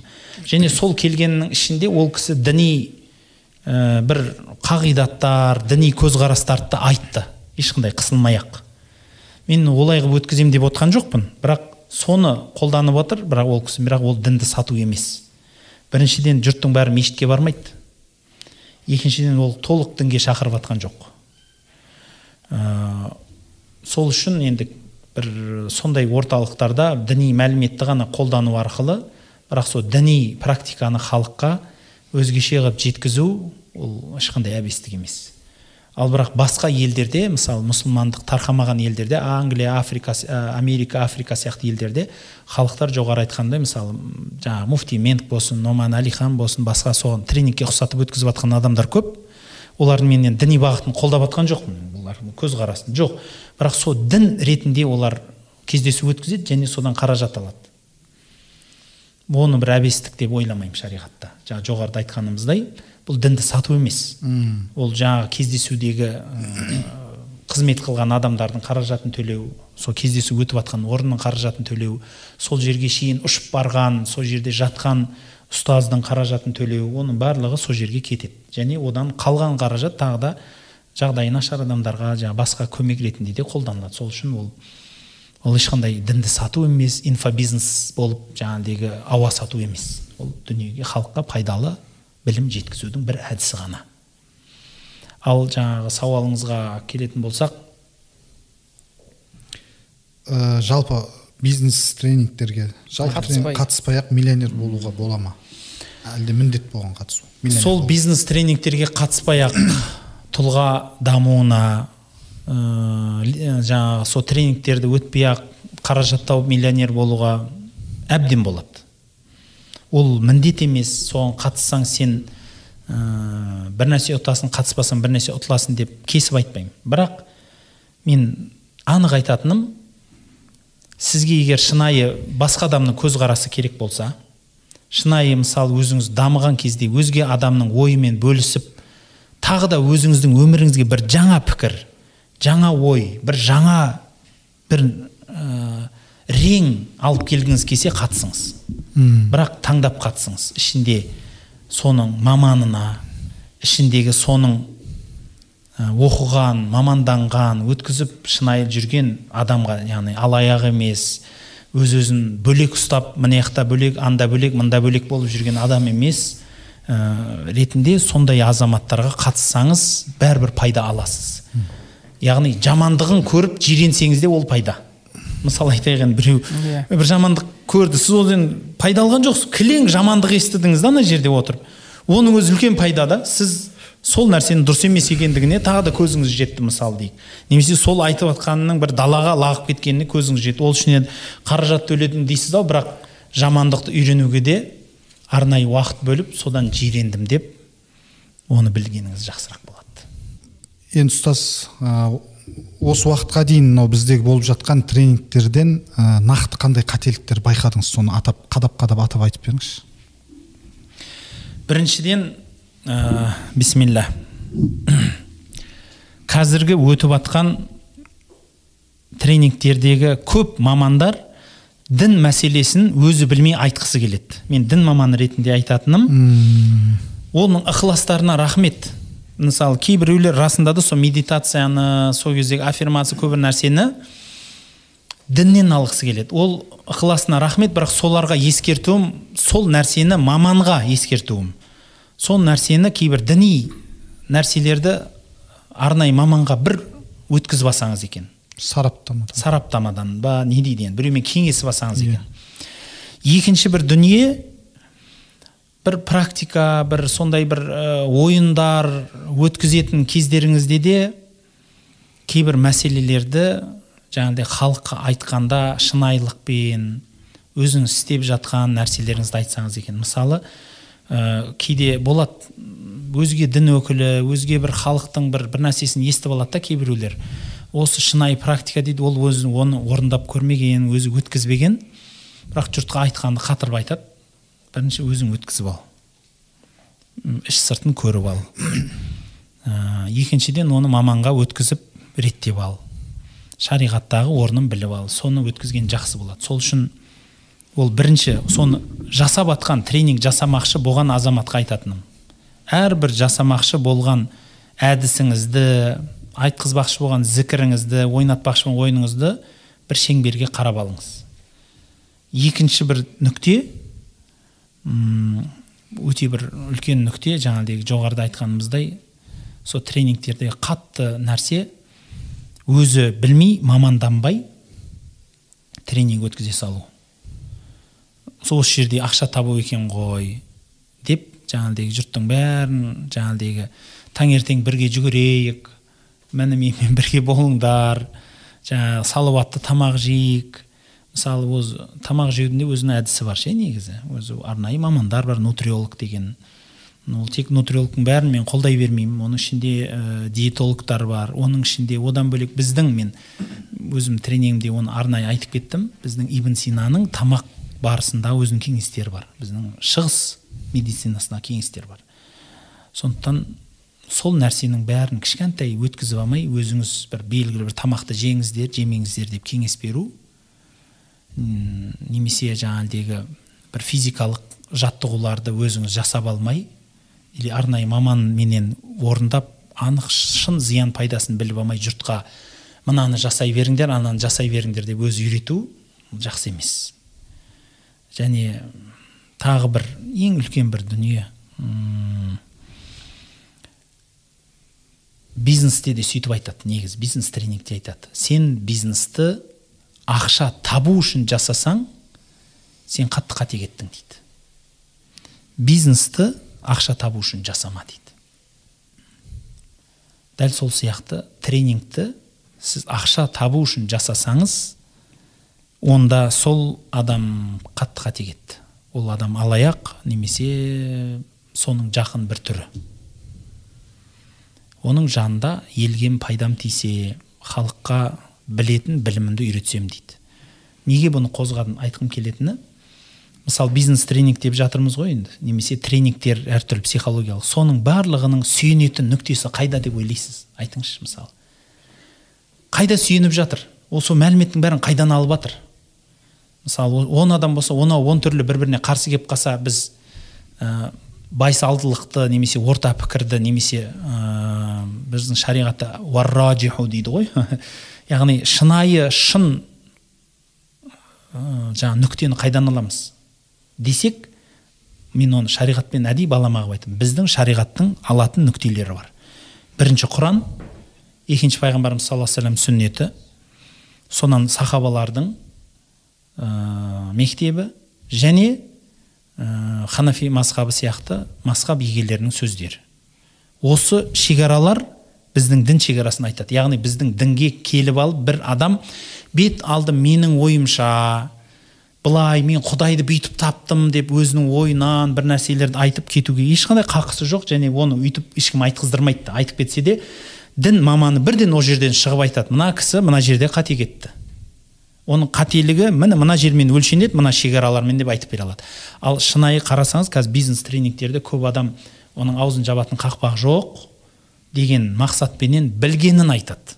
Әр жерден соқыр тауыққа бәрі жемдеп анадан да мынадан да естіп алады да оның байыбына бармай дін жағынан қалай болдым біздің дәстүр жағынан қайда кетіп бара жатырмын демей айта береді. Мысалы жаңағы өзіңіз айтқандай кейбір әйел кісілердің мысалы тренингке келіп алып енді дұрыс ішіңдегі ана скованность дейді ғой. Сені қысып тұрған ұятжаңдықты шығар енді бизнесте кішкентай халықпен мәміле қылғанда ішіңдегі ойыңды сыртқа шығарып айту дейді да. Қыз баланы сыртқа шығарып анау етегін көлбеңдетіп секіртуі оның басқа жерлері ашылып қала ма? Жоқ ананың секіргені ерсі қылып қылық болуы мүмкін ба? Немесе ер мен әйелдерді бір бірін қолына ұстатқызып қойып мысалы жаңағыдегі бұл енді біреудің келіншегі шығар ертең семьясында жанжал болатын шығар оны ойлаттырмайды. Мм. Жаңағыдегі ұстатқызып қойып бір бірін қолдарын ұстаңдар бұл жақындықты білдіреді там достықты білдіреді деген сені ашады деп. Рас ол психологияда қандай да бір әсері бар оның. Бірақ біздің дәстүріміз бар оның жанұясы бар біздің ә, біз енді бәрібір не халықпыз ғой шығыс халқымыз. Біздің өзіндік өзіндік дәміміз бар. Ұстаным ұстанымымыз бар. Соған қатысты нәрсені ойласақ екен. Біз сол стереотиптердің бәрін бұзамыз деген нәрсені кейде қатты кетіп қалып жатып ә, біреудің жанұясын бұзып қоятын шығармыз біреудің ой пікірін бұзып жіберетін шығармыз дінін бұзып жіберетін шығармыз. Сол үшін сол шекараларды біріншіден дін аясында біздің салт дәстүр менен қазақи рең аясында қарастырғанымыз дұрысырақ болар еді. Керемет ұстаз ә, естір құлақ болса керемет насихаттар болды. Енді біздің ә, уақытымызда біршама отырдық ұстаз алла разы болсын. Ә, мына енді осы отырысымызды өзіңіздің кеңесіңізбенен аяқтасақ біздің ә, көрермендерімізге жалпы қандай кеңес берер едіңіз осы тренингке қатысты қандай тренингке қатысу деген секілді? Негізі жоғарыдан бері қарай айтылып кеткен сөздің барлығы менің ойым және кеңестерім бірақ топтама қорытынды ретінде айтатыным. Сіз бизнес жасап немесе жасамай жатсаңыз бір іс тауып өзіңіздің нишаңызды дейді ғой жаңағыдай өзіңіздің сауда қылатын орныңызды табу үшін бизнес тренингтерге барғаныңыз пайдалы. Ол сізді дамытады расында да. Ол сізді реттейді. Ә, көп адамдар ой, біздің қазақта әзіл бар ғой жаңағы. Не істейміз бірдеме істейміз ба бірдеме істейміз ба мен өмір бақи өтіп кетеді деп. Жаңағы сол бірдеме істейміз ба не істейміз деген жігіттерге ұл қыздарға айтатыным расында да сол кісілерге барып бір ақыл тыңдаңыз. Мүмкін қимылға бір әсер береді. Ә, жеке тұлғалық дамуларға ұм, қатысты пікірім сол тұлғалық дамулардың көпшілігі жаңағыдегі расында да көп барып жатқандар сәкең айтпақшы әйел кісілер. Және егер мониторингті жақсы қарасаңыз семьясында проблемасы бар болғандар. Е ажырасты е жолдасыменен жақсы болмай жүр. Сондай бір белгілі бір дағдарысқа түсіп қалған кісілер сол жерге барып сол жерден өзін басқа пікір басқа бір өмірге кеткісі келіп ізденеді. Сол кісілерге кеңесім негізі ондай жерлерден көрі психолог маманға барыңыз. Немесе молдаға барыңыз. Рас ол біздің баяғы қазекең психологтың рөлін молда орындайтын.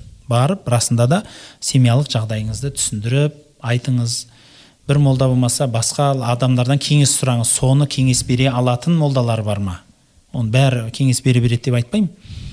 Ә, сол соны халықты түсініп сол жерлерге кеңесін айта алатын адам бар ма? Жоқ па? Соны сондай адамға барыңыз. Тағы бір нәрсе оны да қарастырып әдейі өтіп кеттік. Бала тәрбиесі ара қатынастағы мәселелерді мұқият болыңыз. Біреудің айтқан кеңесі сізге дұрыс келмеуі мүмкін. Мысалы біреу рас жоғарыда айттық қой мысалы біреу отандасқанына он жыл болған жоқ бірақ жаңағыдей әйел ерлі зайыптының арасында қарым қатынасқа ақыл айтып кетеді. Өзі он жыл келіншегін не қылған жоқ әлі. И бір екі балалы бір балалы болған жоқ.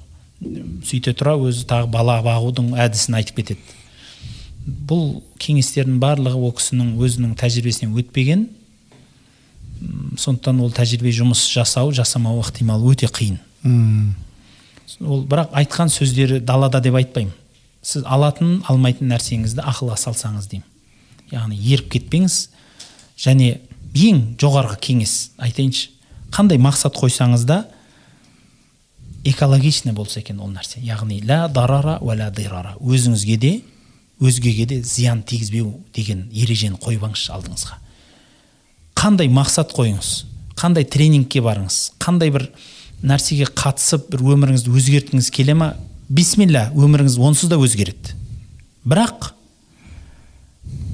бір кеңесім лә дарара уә лә дирара өзгеге де өзіңе де зиян қылма бұл ереже сіз алтын әріппен жазып қоятын сіз үшін менің кеңесім алла разы болсын ұстаз алтын уақытыңызды бөліп келгеніңізге енді біз ә, көбіне ә, ұстаздарымыздан подкаст басталмай жатып бата алатын тұғынбыз өкінішке орай бүгін сол есімізден шығып кетті сол өзіңізден бата алып сол батаменен ә, жобамызды тәмамдасақ иншалла бисмилля